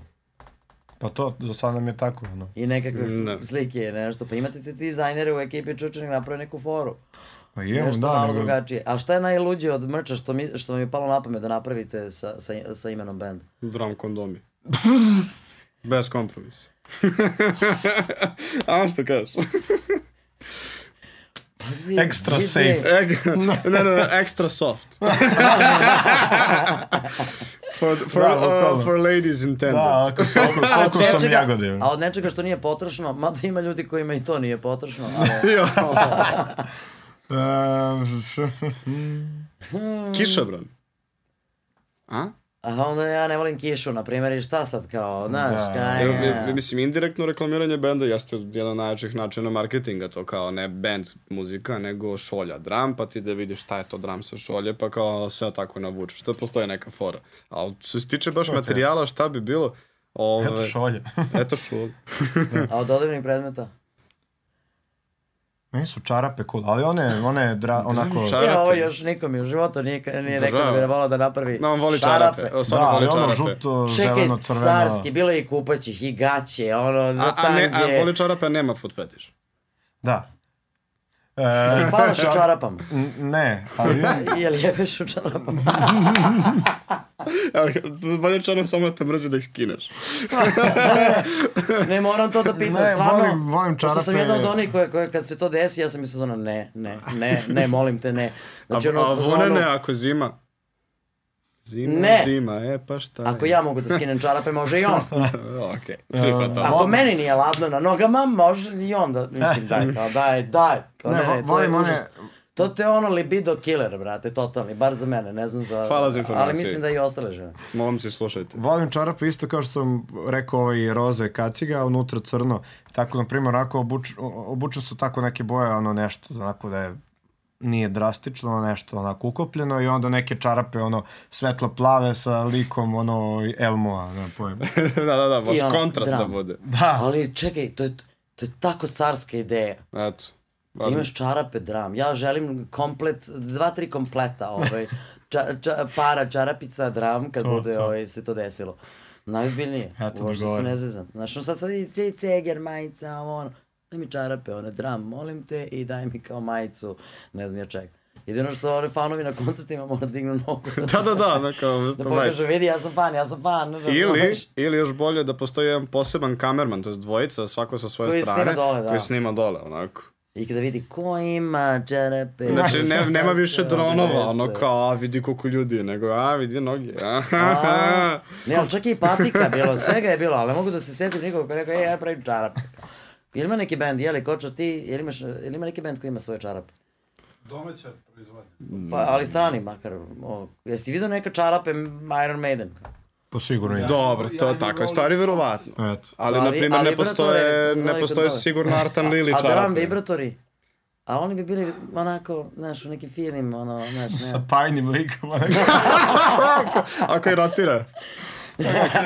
Da naše glavici koji rade, koji rade ovo.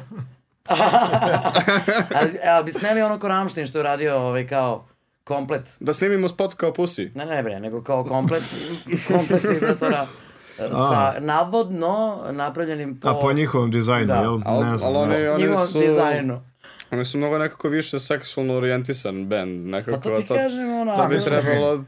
Ali vi ste ono... Mi smo baš... Mi smo neka baš ljubavnjanja. A to ti kažem, ali onda vi sad one žene kojima treba onaj e, fini rad, Fin nabod u glavu. dru, drugačije, drugačije vibracije da budu, čoveče. Vibracije u ritmu pesama, na te, a? Hmm, ne znam, da li bi to bilo dobra ideja. Verovatno kondomi, ne. dobro. Kondomi i čarape, to je sasvim u redu. E, gde, pošto je ovo ipak emisija ovaj backstage, gde vam je bio najbolji, a gde najgori backstage? I koliko vam je to važno?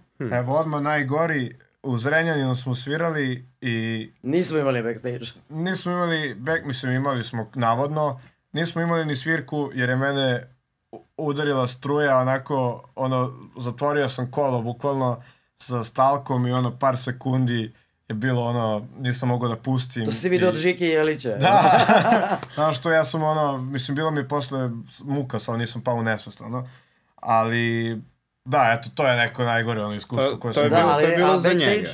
Backstage je bio ispred tamo onaj lik što toči ono pivo pa pored WC-a pa kao.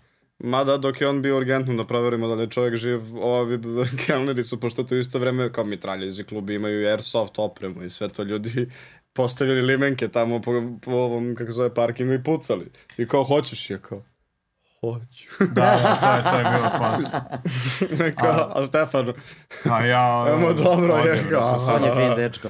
da. A najbolji meni bio, pa e, Exit je, mislim, nije najbolji provod bio, ali nekako najlepše mi izgleda taj neki Exit jer je, svirali smo na Fusionu, a tamo je neki, neki klub su uzeli kao da je backstage. Da, da. A mnogo dobro, mislim, M je kao... Ima prostora, to je baš M ima ono, prostora, M je sve, ono, dobro je konceptualno napravljeno. Sad, Pa je na se mi- Divčibarama kida backstage, to je ceo E, a lokal. na Divčimar je bio najbolji provod u backstage. I ono je Da, bilo da. mnogo, mnogo Ajmo, dobro. Ajmo, ajmo. Ko će da priča, I tako. a? Da, da, da, ovaj, mnogo alkohola. E, mi Lepa žičara. Ne sećamo kako nam je bilo tamo. Da, da, da, ne Da, sjećam kažu se da je kako je bilo bilo. dobro, stvarno. Kažu, svi kažu sa zdravlja nam je bilo. Da, Ne, tamo je festival nekako na planini je o, i, i sve izgleda nekako kao da nema veze sa Srbijom, više kao neka Europska unija, koliko god to zvučalo. Nekako ima, ono, popnemo se, gledamo ono žičara, pa ono, gledamo, ono, idemo, vozimo se, ovo, ono, imamo tamo neka pića koje su, nisu, ono, klasična, ono, jelen ili šta god, nego je svašta nešto razo, raznovrsno, hrana je mnogo ukusna, sve je besplatno, imaš tamo gde da sedneš, s- s- sve je nekako All you can drink. kako treba. ne. Najbitniji faktor. Da, da. Još onako stakleno sve pa možda vidiš te ono tonsko kako se realizuje. Plu- plu- Plus to je skroz dole kako je ski staza.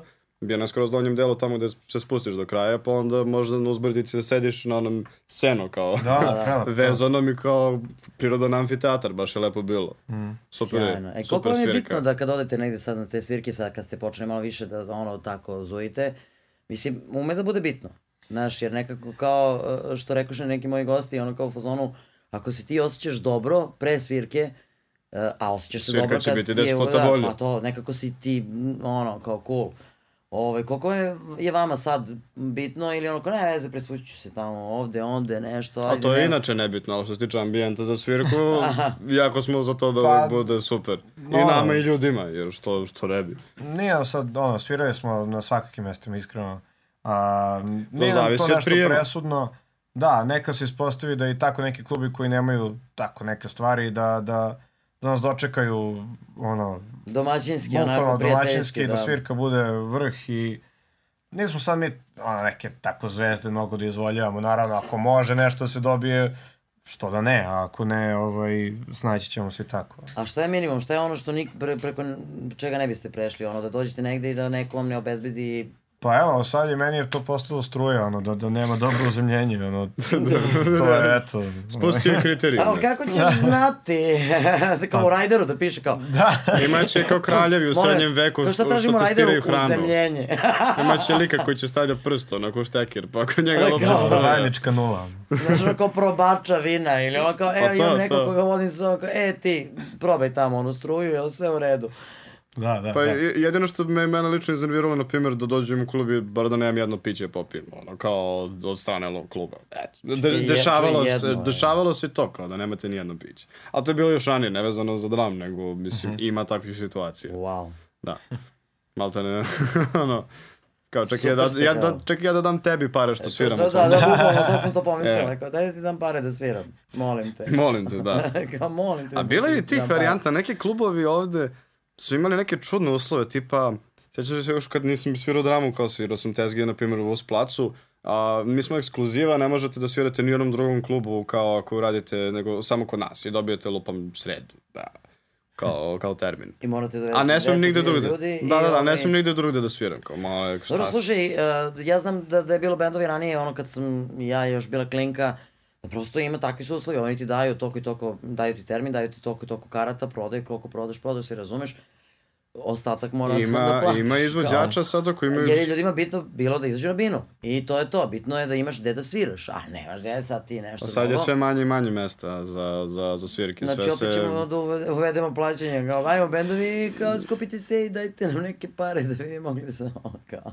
Pa to jeste glavni problem, mislim, ja, na primjer, Stefan je krenuo da svira, od- šta, koji ti je bio jedan od prvih bendova koji si krenuo gitarski da skiraš, ili su Peppersi bili, ili tako? E, da, da, da. Eto. Znači, kre, ja sam isto krenuo neke tako metalike, ali ja sam malo krenuo ekstremnije vode. Isto kao Peppers i to ja sam krenuo Da, neke da, metalike. isto. Ali- ali- ali altern- isto. To metalike, to je isto kao Peppers. Ni, je to, nije, sve ovo, nije ovo čime se sad bavimo u bendu, u tom smislu, ali... A počeo je razgovor tako što je, kaže, prvo slušao Maroon 5, a na kraju A mu je bio zvoni kad sam bio telefon, jako ono, mali. a Onda, onda sam... Gojira na mišićima. Da, da, da, da, mi Dobro, pa šećima. to je super. A kao, a šta ti privatno slušaš najviše?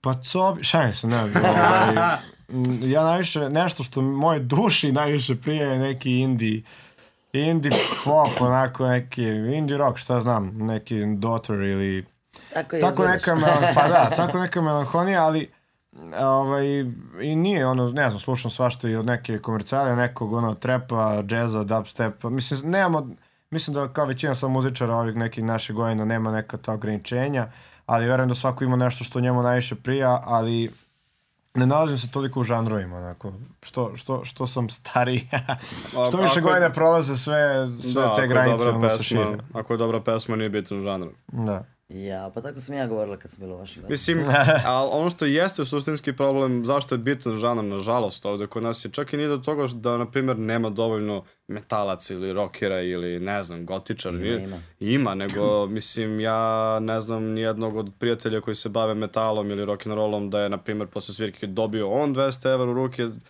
da, da mu neko potapše po ramenu na taj način da bi se on, on motivisao da se bavi time dalje. Znači, Da bi imao za žice nema, sutra, ne, za ne, probu ne, za ne gitaru. cirkuliše ni jedna para u tom sistemu da bi ti rekao sebi da vredi ono što radiš. U tome je glavni problem.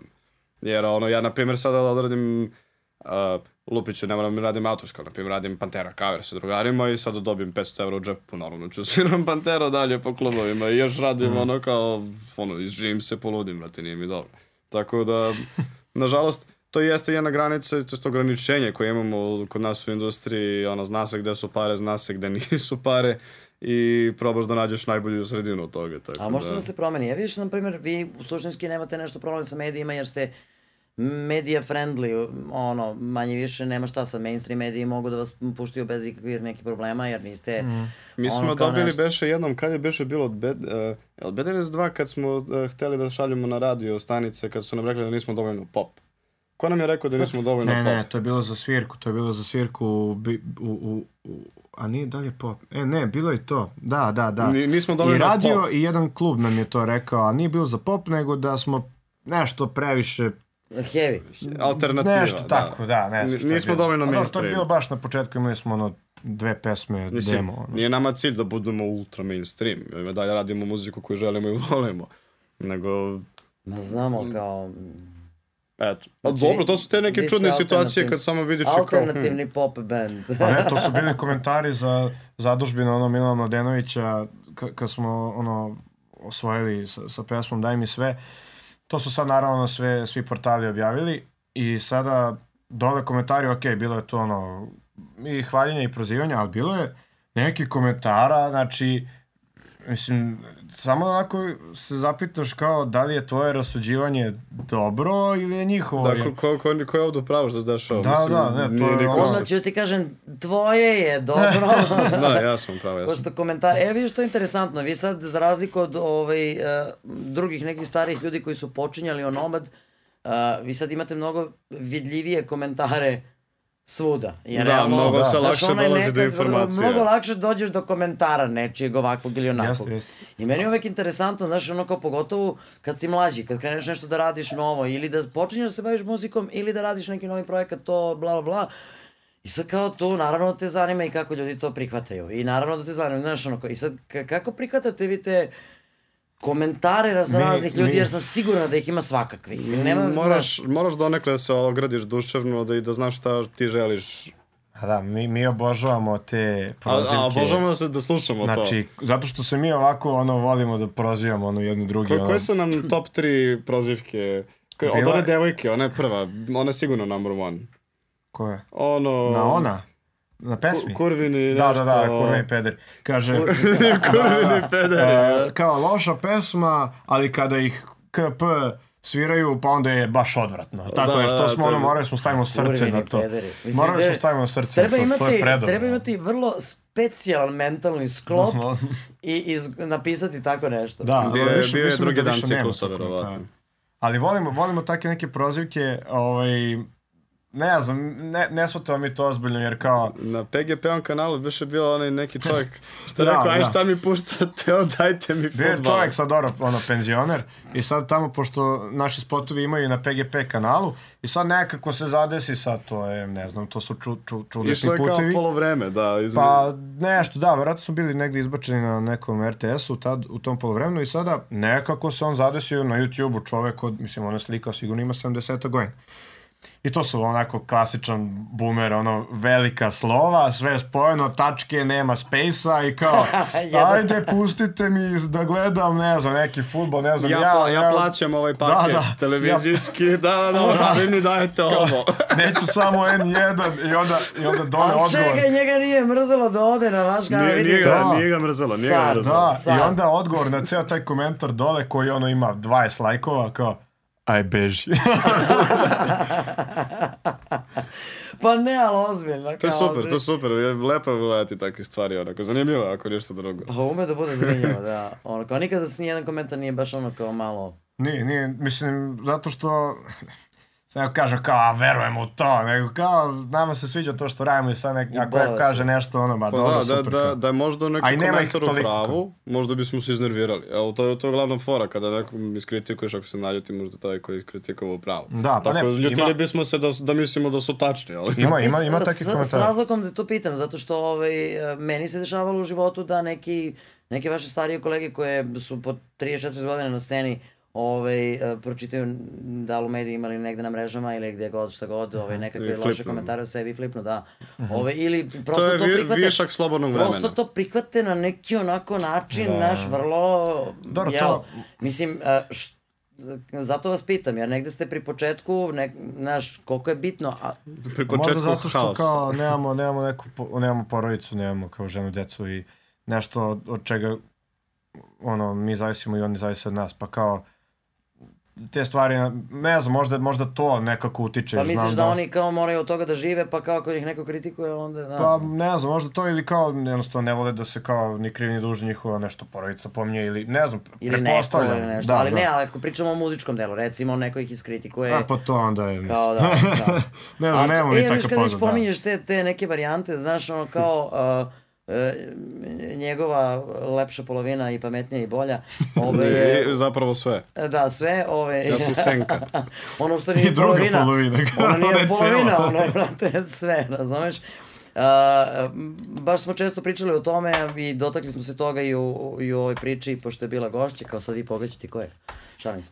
Ove, a, I kao, pričali smo baš o tome kao koliko su nekde uh, rokeri postali dosadni. Znaš, ono dođeš kao, pa onda budu kao ono, onako fini, da, znaš, kao, svi rokeri su postali dobar dan, dobar dan, kako su šta rekao, kako novi album, ovo, ono, sve to super. I sad, kao nešto treba da bude zabavno, nešto treba tu da se desi, da ljudi skontaju da su ti likovi, nema veze da sviraju pop rock ili reggae, razumeš, ili ne znam šta, da su to bre neki normalni zabavni likovi. I sad, a, o, vid zabave za današnje prosečne konzumente svega, ajde recimo i popa, su i tračevi. Mislim, vi, vi imate više šanse da uletite u tabloide nego ja, na primjer, razumeš? Skandal. Pa daj Bože. Pa da, ali e, što e, to, to sam da te pitam. A, kao, e, čekaj, doćeš u nekom momentu u situaciju, nadamo se, da te tabloidi jure. Mislim, jure u smislu da kao, aha, viš te je ovaj, na Mhm. primer. Samo nemoj I budeš sad peđete kao- boji. Pa ne, ali ozbiljno, znaš, Evo ono ga kao, sto, da, sad ću da vadim. čekaj, pretpostavljam da niste takvi momci koji će prave namerno neke fore kao, ili da, Pa nismo, nismo za sad o tome razmišljali, ono, da. Pa ne, ali uh, niko od vas nije razmišljao o tome da neko uh, u nekom momentu može da taj privatan život vaš negde iznese. E, nema veze da li je loše ili dobro, ali prosto, Hmm. znaš, ima ljudi, mnogo ljudi na sceni koji su u fazonu ne zanima, šta, šta nekog zanima, s kim sam, da li sam uopšte, i to je moje. I ja znam neke starije muzičare koji do, do dana današnjeg niko ne zna, ono fazom komu je žena i šta i kako, jedino kad ga upoznaš privatno, onda kao otprilike... Dobro su ono, zaključali kao- podrum. Pa da, pro- prosto kako ti kažem, e, da, i fioke, one pored kreveta, da, Da, i prostorije sa... Progota ključ. sa ovaj, a, znaš, postaće u nekom momentu možda bitno ili ono, jel, da, da sačuvate to nešto. E sad, jel mislite da ćete moći da sačuvate ili uopšte želite, ili vas baš briga, ko ne pričaju, što hoće, bole me, znaš. Pa trenutno, e, trenutno mislim da bi to bi bilo i dobro nek pričaju što hoće, samo ne pričaju. Jer Samo kao, nek pričaju, ne postoje loš Nemamo mi tu šta mnogo da, mislim, ne znam, ja to pričam u svoje Ne, ja tu Pa ja sam fin da... dečko, nemaju meni šta da iskopaju. Pa ne, mislim, ne, može uvek u svaku nešto Kao, da se izmisli. slušaj, ono, e, da. takvi fini ko ti su najgori. Ne. Ti uglavnom imaju najgore te fioke pored kreveta, razumeš? Ili tako te neke Pa ne, ne. ormare i kosture i to, Traumice, znaš. pričice. Aha, Ne, da, da. Mislim, mislim da kao... Šalim se. Uh, pričam sad za sebe, ali možda je to tako i vama, ono, trenutno nemamo nešto da neko može da nas kao Povredi ti uštine nešto. za to tako. da nas ono toliko ono boli, a, a opet ako se tako nešto priča pa sad dalje dobro ili loše, ono, ovaj, uvek to je kao bolje da, da, da, A da se vidi, imaju, kad da neko te nešto nema. objavi ili kaže ili priča, a, može da se desi da ti to napravi problem recimo u privatnom životu, čak i ako nije tačno. A Jeste. ljudi su skloni tome da nešto izvuku, da li su mediji ili A, da ljudi. kre, kreće sa minicicama, neka izvuku- priča se izmisli. Da, ovaj. i sad to može da napravi problem i sutra onda mediji to napumpaju, na primjer, i to sve. Znaš, u tom Jeste, smislu... jeste, to je istina. ono. Znaš, a e, ima ljudi kojima nije nikakav problem, znaš, jer bi se slikali sutra lupam za, o, znaš, one glorije i ono, kada Da. kao dođu ti kući pa ti snimaju gajbu i tebe sa ženom i decom i to, kao, jel bi to radili u životu? To kao Gene Simmons, ono, Ja- Family Jewels, tipa za... Da, nisam, nisam u tom fazonu, sad kad razmišljam, da. O, Mislim, Ne znam da li kao, bi radio, tvoja kuća je tvoje neke baz, tvoja neka baza, Da. porodica je tvoja neka baza. Pa to, ali kažem, sad- nemam, nemam još pored, ne, nemam taj neki osjećaj, ono, kako bi to moglo da bude, ono. Ali, Ali- misliš da ne bi? Ne, nemamo mi? Da, toliko, mislim da ne bi. mi, ja mislim nemamo te paparaci vojnike toliko sposobne Čekaj, da... da... vidiš da vas priprema na to, ko zna šta će se desiti? Pa jel vidiš ti otvoriš novine tamo, da li je ova ovo, da li je ona Ja, ono, na da li primjer, je... jedina osoba ko, ko, za koju mi se dopada kako bacuje porodicu u, u svoju muzičku priču je ovaj Vojko V, brate, što snima spot sa porodicom, na primjer, stvarno je snimao ženu i svoje dece, ono, svoje dete i decu s kojima... E, te ne nije teo da plati nikoga, šta je? Da, je to bilo super kad sam vidio, ono, kao ekstra, dobra fora. A na primjer to kao da mi sada snimaju pravi reality od moje porodice. Ili da, da snimaju za novine, kao dođu ti u kuću, Da. to i kao kako to se Nisam, izgleda. da. nisam toliko očajan da, Da, da, da, da mi ono. treba toliko pare, ali... Pa pre bi išao onda u Ja, pazi, to jeste parove, reklama, da. ljudima je interesantno, vidiš što su le, ja, vidim fin dečko, pa ono, pa se slikaš, pa kao, znaš, ono kao, Jeste. Da ode neko, si šta si šta dao misliš, da ode Ne neko ne nas dvojicu u zadrugu ili parove, ili bismo osvojili nešto?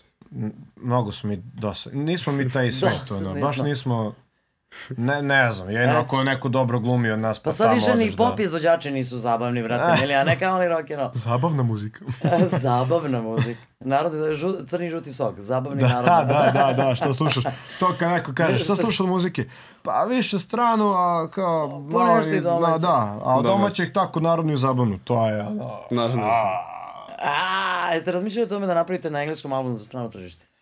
Ne, jer to nikad ne prođe, ono ni se nida nije mogao prođe na engleskom, ni smak. E, se ni da a- ni ne treba da prođe ako ćemo tako. Pa ni smak nije prošao, tako da ne znam šta mi možemo to da tražimo. Ne znam da li je iko nešto napravio ozbiljno iz Srbije i Su- sa Balkana. To, totalno drugačija industrija, totalno drugačiji principi, ja mislim, nikom, meni nije prošlo kroz glavu. Sve se, sve se završi na tome da te više sluša Srba. Jer ako smo već napisali album prvi na... Engleskom. Možda nam, možda nam Na peti engleskom, album na se ćefne da napišemo na engleskom, eto, taj neki fazon. Možda peti, šesti album. Ne znam, ne, naravno to je, uvek je potencijalno veće tržište, ali nekako niko nije nešto uspeo da, ne znam, meni je uvek primer Kaleo sa Islanda, onaj band koji je napravio, stvarno, ono su, znači imaju pesme i na njihovom jeziku, imaju i na engleskom i napravili su stvarno ono, pesme sa milionskim pregledima, ali ovde je nekako teško, ne znam, ne znam, možda ja grešim ono, ali ne znam da li ima neko kod nas da na engleskom napravio pesmu od neko stvarno milionskih pregleda. Nemam pojma. Ja, da, samo znam neki od par stotina iljada i to je to. I to su uglavnom ono metalci. Slušaj, I to milijonski je to. pregledi se dobijaju tako što imaš u spotu gole ribe na bazenu. Ne, ne, ne mora, ne Imali smo znači. bazen, ali nismo imali gole ribe. Ne mora Pa, znači. e, e, kao što sam rekla, gole ribe na bazenu, ne gole, gole, mislim, ali ono kao... Što jel? ne? Cenzurisujemo posle samo blurujemo posle I onda ste koloru. kao vidi ovi, kao čoveče, što ti kao dosadni, pa te, daj ne te zabava, Skoro neki, neki, ono. neki metal band je imao spot, ono kako tvrkuju ono u spotu. A to nije, to je, to je Mastodon bre, E, ma, Mastodon, ma, tako Mother tako Load, brate, najbolji spot ikad, E. to ima par godina. Da, da, da, da, da. S onim, To je baš dobar da spot. prostiš guzičetinom, o, o, lead, lead twerkerkom. Da, mnogo Vidiš, zapamtio si, jeste, Jesam. gledao si, koliko si puta gledao spot? Samo jednom. sam ga za, ne, lažem, dva puta sam zapamtio jako dobro. pa dobro, ali Ostalo sam. Ostalo sam slušao, samo pošto je to bila era, ja mislim, ono kad su još bili slabiji interneti kod mene u zgradi, onda bolje da gledam slika i YouTube da slušam nego da gledam ceo video. Jeste vi potkačili dial up? Da. Znam priču. Znam priče, to je zvuk. E, mogli bi? Išao sam sa Kevom da uplaćujem tamo u jednom video klubu blizu Mackenzijeve, bio neki podrum, tu smo uplaćivali dial up. Pazi kad je i on čak već u fazonu kao during the war, ono može da kaže, e, ja sam doživeo Da, dial da. Ja sam dobio zlatni mikrofon. Yes. Windows XP ludilo, bre. Pa Da, imao pa sam ja ti Windows. XP i Warcraft 3. ono. E, ali vidiš, a, a, kao, to je interesantno, kažem, kad ste dolazili, ja sam razmišljala kao u fazonu, a, bilo je dosta gostiju koji su stari, dobro, nisu svi matori, matori, daleko od toga, ali opet je nekako bilo dosta ovde gosti- gostiju koji su negde iz svog ugla od, odande kao vamo, ka mladosti pričali o nekim stvarima. A, opet, s druge strane, znaš, ja imam iskustava vrlo često sa, sa mlađim ljudima koji su u Ajde, ne ima torci, to je sad sve drugačije. Koliko vi zapravo slušate i koliko vam je bitno da imate neke vrste, ne samo uzora, nego ljudi s kojima kad pričate o nekim stvarima, da kažete, e da, kao, to tako treba, ne, bez obzira na to što si ti radio na dial-up, od dial-up, i što si ti izdavao tamo neke ploče i kasete pred 100 godina, a što mi sad Pa, možemo pa da, nije, da, da nismo znaš. slušali stariji od nas, ne bismo sada ni bili ovde, tako da, bar u osnovi, ali moramo slušamo i sebe, tako da, Da. da nađemo nek, neku zlatnu sredinu opet. Jer, na primjer, Čutura nam je rekao kad smo svirali ko ljudi morate za sebe, nemojte budete dobri svirači za već poznate ljudi. Eto, to mi je bilo nam najveći strah, jer ono, prvenstveno je vidio Stefana da odlično svira, odlično peva, kaj nam je, molim te, budeš propratni muzičar, napravi sebi karijeru i bio čovjek u pravu. Eto, Ma to je, jeste, naravno, to je prva stvar koju smo ozbiljno saslušali i poslušali, da. I posle slušali Zlaju. Koga sad slušate? E, sada, pa da, pored zlaja, tu je bio i Saša Habić. Takođe jedna ozbiljna glava. Da, tom on nam svetu, je, on nam je bio kao neki omni guru ovaj, tokom nastanka prvog albuma. Pa je tu bio i Bambi kao neki njegov... ovaj, Galactus.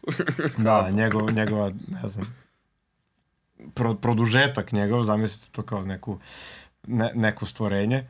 Um, a sada smo onako, mislim, većinom smo zatvoreni onako u naš četvorica, a sva sreća nismo svi kao, da kažem, klinci, ok, ja sam ja tu najmlađi, možda sam ja, ja sam tu možda i najimpulsivniji po pitanju nekakvih odluka. O, on je Ali- impulsivan lik, izgleda, da. Da, da, Ne, ali... ljudi, mnogo sam ljut.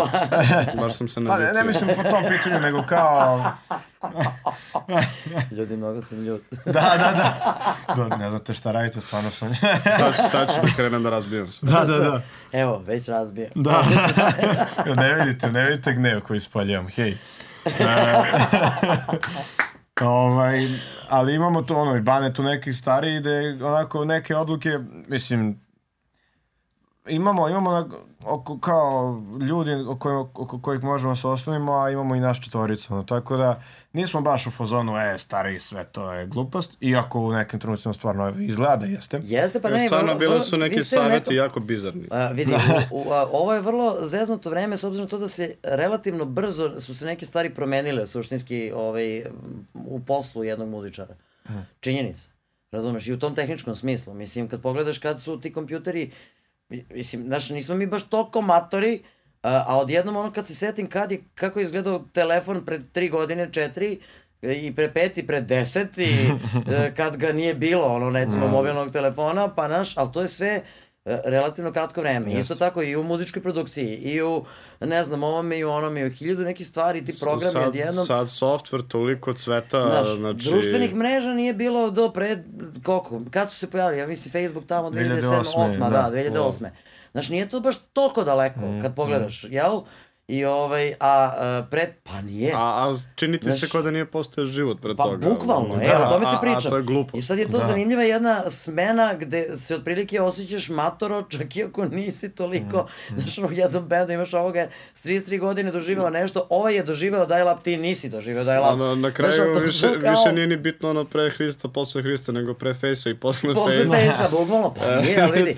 A, a, i taj Facebook, e, odnosno generalno posle svega, ono kako su razvijale društvene mreže, mislim sad otprilike, uh, tad si kao Facebook, Instagram, i onda ti imam, e čekaj imamo i TikTok, imamo i ovo, i ovo, znaš, i onda sve, O, OnlyFans. Pre godinu dana nisi znao šta je TikTok, bre, čoveče. Kako sad odjednom tamo imaš 10.000 pregleda, 20.000, milion pregleda nečega, što je imbecilno, meni razumeš? najveći poraz bio koliko zapravo ti možda budeš uspešan to sa Instagramom, samo u početnim fazama Instagrama kad su bili ono baš naglašeni influenceri, kad je krenulo to ja imam 100.000 followera, evo ti Adidas, evo ti patike, evo ti pare. Dobro, to ide i dalje. To, ali to I je, to se i dalje radi, je- to se dešava i, dan da, danas recimo i za TikTok. Ali nikad, Da. mislim, Neko ko uradi jednu imbecilnu toga. stvar može da, da, da zaradi neke pare od toga zašto je uradio neku imbecilnu stvar. Ali to je da zapravo postane jeste, ono- jeste isti princip kao na zdravlje. To je jeste To lizguz.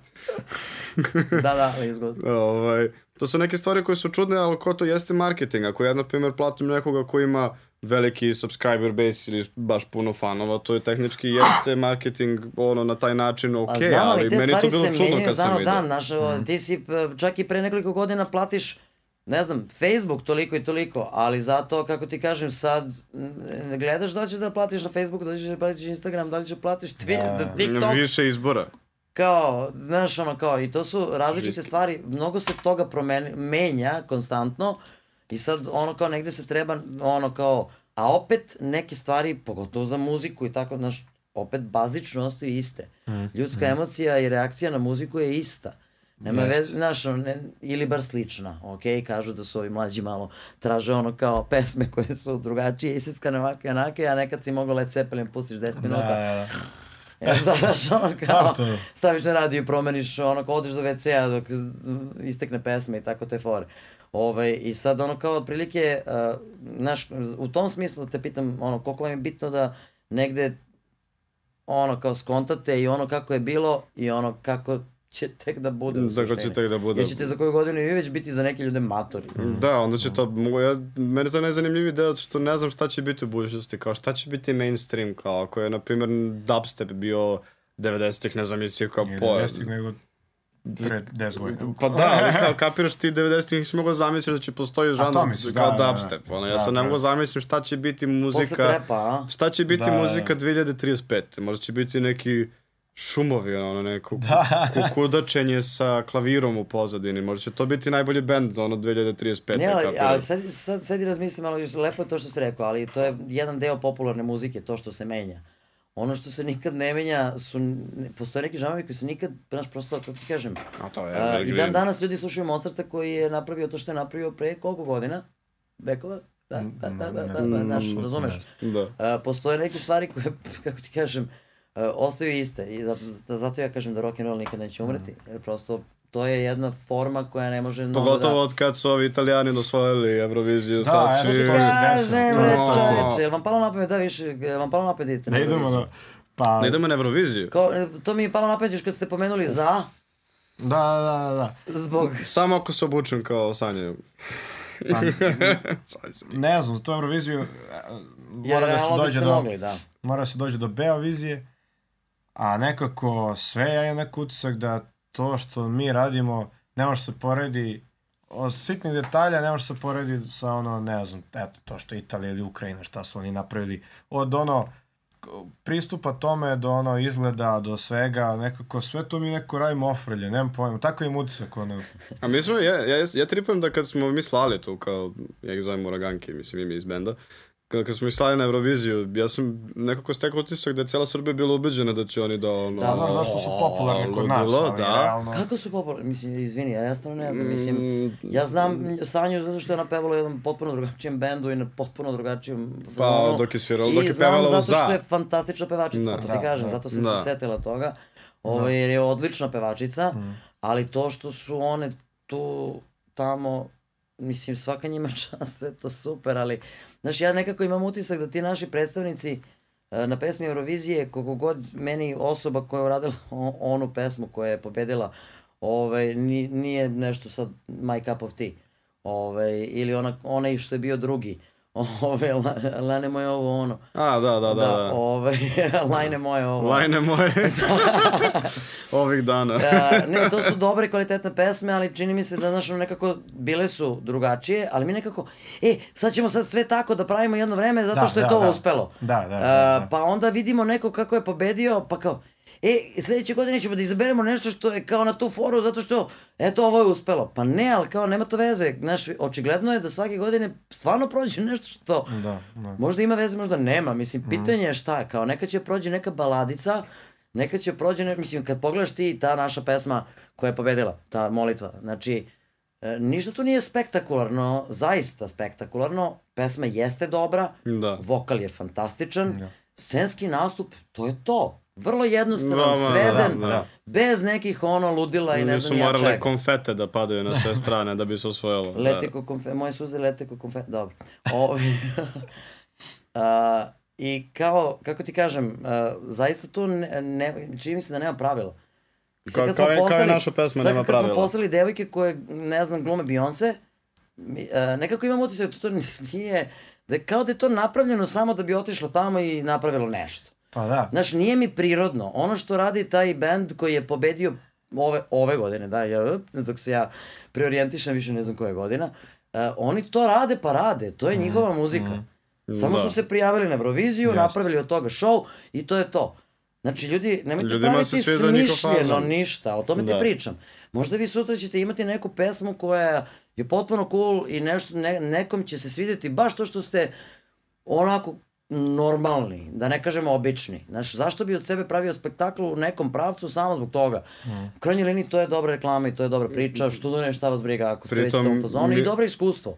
Znaš, to je, to može da bude interesantno iskustvo. Evo je Ksenija Kočetova nam je pričala u prošloj emisiji da, ovaj, da to je interesantno iskustvo, to je interesantna priča, to je kao, znaš, nešto što doživiš jednom i, znaš, ono, kao čak i Nataša Koberinić kad je učestvovala u tome, svako ima svoj Da li bismo išli ugao. na Euroviziju Da. Ali ne? kao, ja vas molim samo budite to što jeste. Molim vas, nemojte se, da glumite mislim. ono, znaš kao, e sad super smo, e sad smo postali popularni, sad odemo, ne znam, lupam, odemo na Euroviziju, aj sad pravimo od sebe nešto što nismo, obučemo Da. šljokičaste odela koje nikad nismo nosili u životu. Pa, e, ali ja mislim da baš to neko ima osjećaj da se naši ti iz, izvođači koji su išli na Euroviziju, da su oni naj, i najmanje pitali o svemu, bukvalno, nekako... Pa, vrlo verovatno, I, da. i, I to mi je ono... Oni imaju norme Eurovizije, kako se to... Pa ne, ja nekako imam osjećaj da to neko stoji, oblači. ko je kao dizajner koji ni ne zna te ljude naše i kao, aj ti ćeš ovo obuči, ti ćeš ovo, ja super, ili ono neki kameran koji Mhm. eto, tu je čisto ono da isprati, pa ono ni ne, ne, ne skonta sve što treba. Sve mi je nešto nekako tako, ne kažem jeftino, nego kao da niko ne obraća pažnju na ono sve stvari, nego kao svako nešto po svome, pa ajde, eto, idite, pa što, ne. Šta bude? da, nekako, ne znam, možda su cilj kao samo pare, pa kao, ne znam. A dobro, bit će to cool, nego ja moram sad da kažem da sam dobila poruku, ovaj, je, jel, jel ste gotovi sa snimanjem da znam da li mogu Paju da zovem? Da je.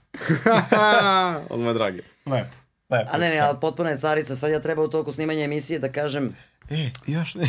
a, Dobro je. da, sad ću da joj snimim voice message. A, ne, Milena, upravo ovaj, smo negde pred krajem emisije snimanja i ovo sve ide u program. Da. Ove, divno. Ne. Imaš najbolju devojku na svetu. Odmah ti kažem. Takvu neku da nađeš. Bre. Će večeras Ne, da ne baš toliko ludu, pošto ne bi, ove, da, ali kao, ono, Ne, to, to, ovaj, svi nek, ponekad u nekom trenutku dobijemo poruku od nje kada smo negde i onda se Paja samo izgubi i nema ga i nama treba i ono svima treba i onda ovaj Milana pošalje kao Paja s tobom kao nije, nije, ni nama ona treba, nema ga, Gde je? nema ga. e, odgovorila je. Mora da nas se desi neki film. Čekaj, da- jel smemo, sad ćemo da imamo ako nije psovala nešto. bravo, bravo, ljubim. to je to. Srce moje. Dobro je, da. Tako da, ovaj, e, što je neinteresantno, ja sam uvek mislila da ću sa ovim matorcima koji imaju tako neka silna životna iskustva imati mnogo više da priča, pa kao ne možemo da skratimo, a mi smo sad na dva sata i, kad smo počeli? U, da, uhu, Seć- seć, boga mi, dva sata i desetak, 15 minuta. 137 minuta. Vrh. Ja mislim da E. kad budem skinuo slušalice da će voda da ispadne. Da, da, da, da. Na- će neke- slušalicu da. Ne, ovog puta nismo uključili klimu, tako da, o, inače uključimo ponekad, ali sad stvarno nismo mogli. Ne, to je bio cilj da mi skinemo majice zašto smo već skidali na Arsenalu, znam je sve, ali nije Marko Jeste, ali tu, kad niste pa... već poneli one maske i to, Da, nema da, veze, sad e. morate da se skidate, to smo hteli. Ovaj, I imam još jedno pitanje, da li misliš da će vaši fanovi, vaša generacija da odgledaju dva sata i koliko minuta ove emisije, pošto kažu da mladi ljudi uopšte nemaju percepciju ničega, ono, duže od toliko i toliko minuta Pazi, bilo da, čega. da je ova emisija, ceo koncept našeg drugog i trećeg albuma, završili bismo ugovor sa PGP-om. Tako da bismo izmirili sve obaveze prema njima, da imamo još ovoliko vremena. e, Ja, ja slušam podcast, ali e, volim da slušam podcaste i tako neke priče i, i, i tako, ali najviše to volim da slušam, mislim, ja tako praktikujem, a vidim da dosta ljudi da kao ono pre nego što spavaš, kao pustiš, slušaš, slušaš i onda utoneš ono negdje u san, pa onda sutradan tamo gde se sećaš, nastaviš dalje. Neko mi je zanimljivo da pratim tako neke priče i nekako neobavezno samo odem, jel? Ovaj, tako da ne znam, ja, ja, ja pratim to sada, ne Ne, znam. mnogo ljudi kako je, pogotovo mlađi, de je ono, kao posle pola sata već kao, Znaš, da, kao, da. fazonu koliko god da vas volim, kao, ali mislite da će vaši fanovi da odgledaju ovo do kraja? Verujem da da. Da ih pozdravimo tek sad, kao. Evo, ko je došao do Fanovi. kraja? Ima majicu za dža... Kad budemo Osvojio- imali majicu. Osvojio je hiljadu dolara, šalim se.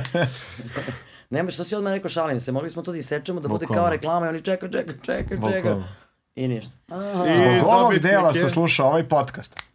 I onda sad to ubaciti, i onda to na kraju. i to.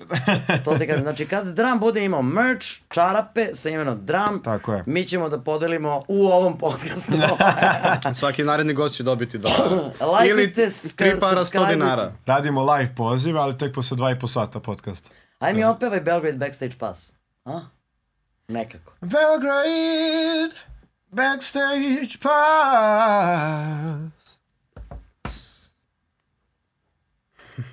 Pa, brate. Hvala vam dečaci puno, baš mi je bilo onako super, ono kao da smo se družili, da ja, a mislim mogla sam pričam još svašta s vama, super mi je hvala ono kao. Da nismo me zaustavili tri mlado, sata. ej, o, na početku emisije se osjećala matoro, sad sam kao da sam tu ono vaša gener... negde između, I- ajde. Idemo na, šo- idemo na Nisam baš šotiranje. mlada kao on, ali ta, tu sam negde, malo. I- Idemo da. na šotiranje odmah. Idemo na Pa na- pa na jedan shot, mnogo dobro. E, Da, jeste. Ovaj, hvala vam puno što ste bili u, u ovom mom u Hvala našem na malom studiju, maloj, maloj emisijici. i ovaj, uh, želim vam milijonske preglede svega i želim vam da prodate gomilu CD-ova i da I napravite čarapa. najjači album na sedi čarapa, naravno, ja kažem, ja sam se javila, kupit ću ih, zato što znam da to ide vama u džep. To je isto bitno da kažemo ljudima, kupujte merch, kad god neki band ima merch, zato što to njima pomaže da Sa, rade samo bolje. možemo reći tri para 100 dinara. žene gaći, žene čarape. gaće, gaće, gaće.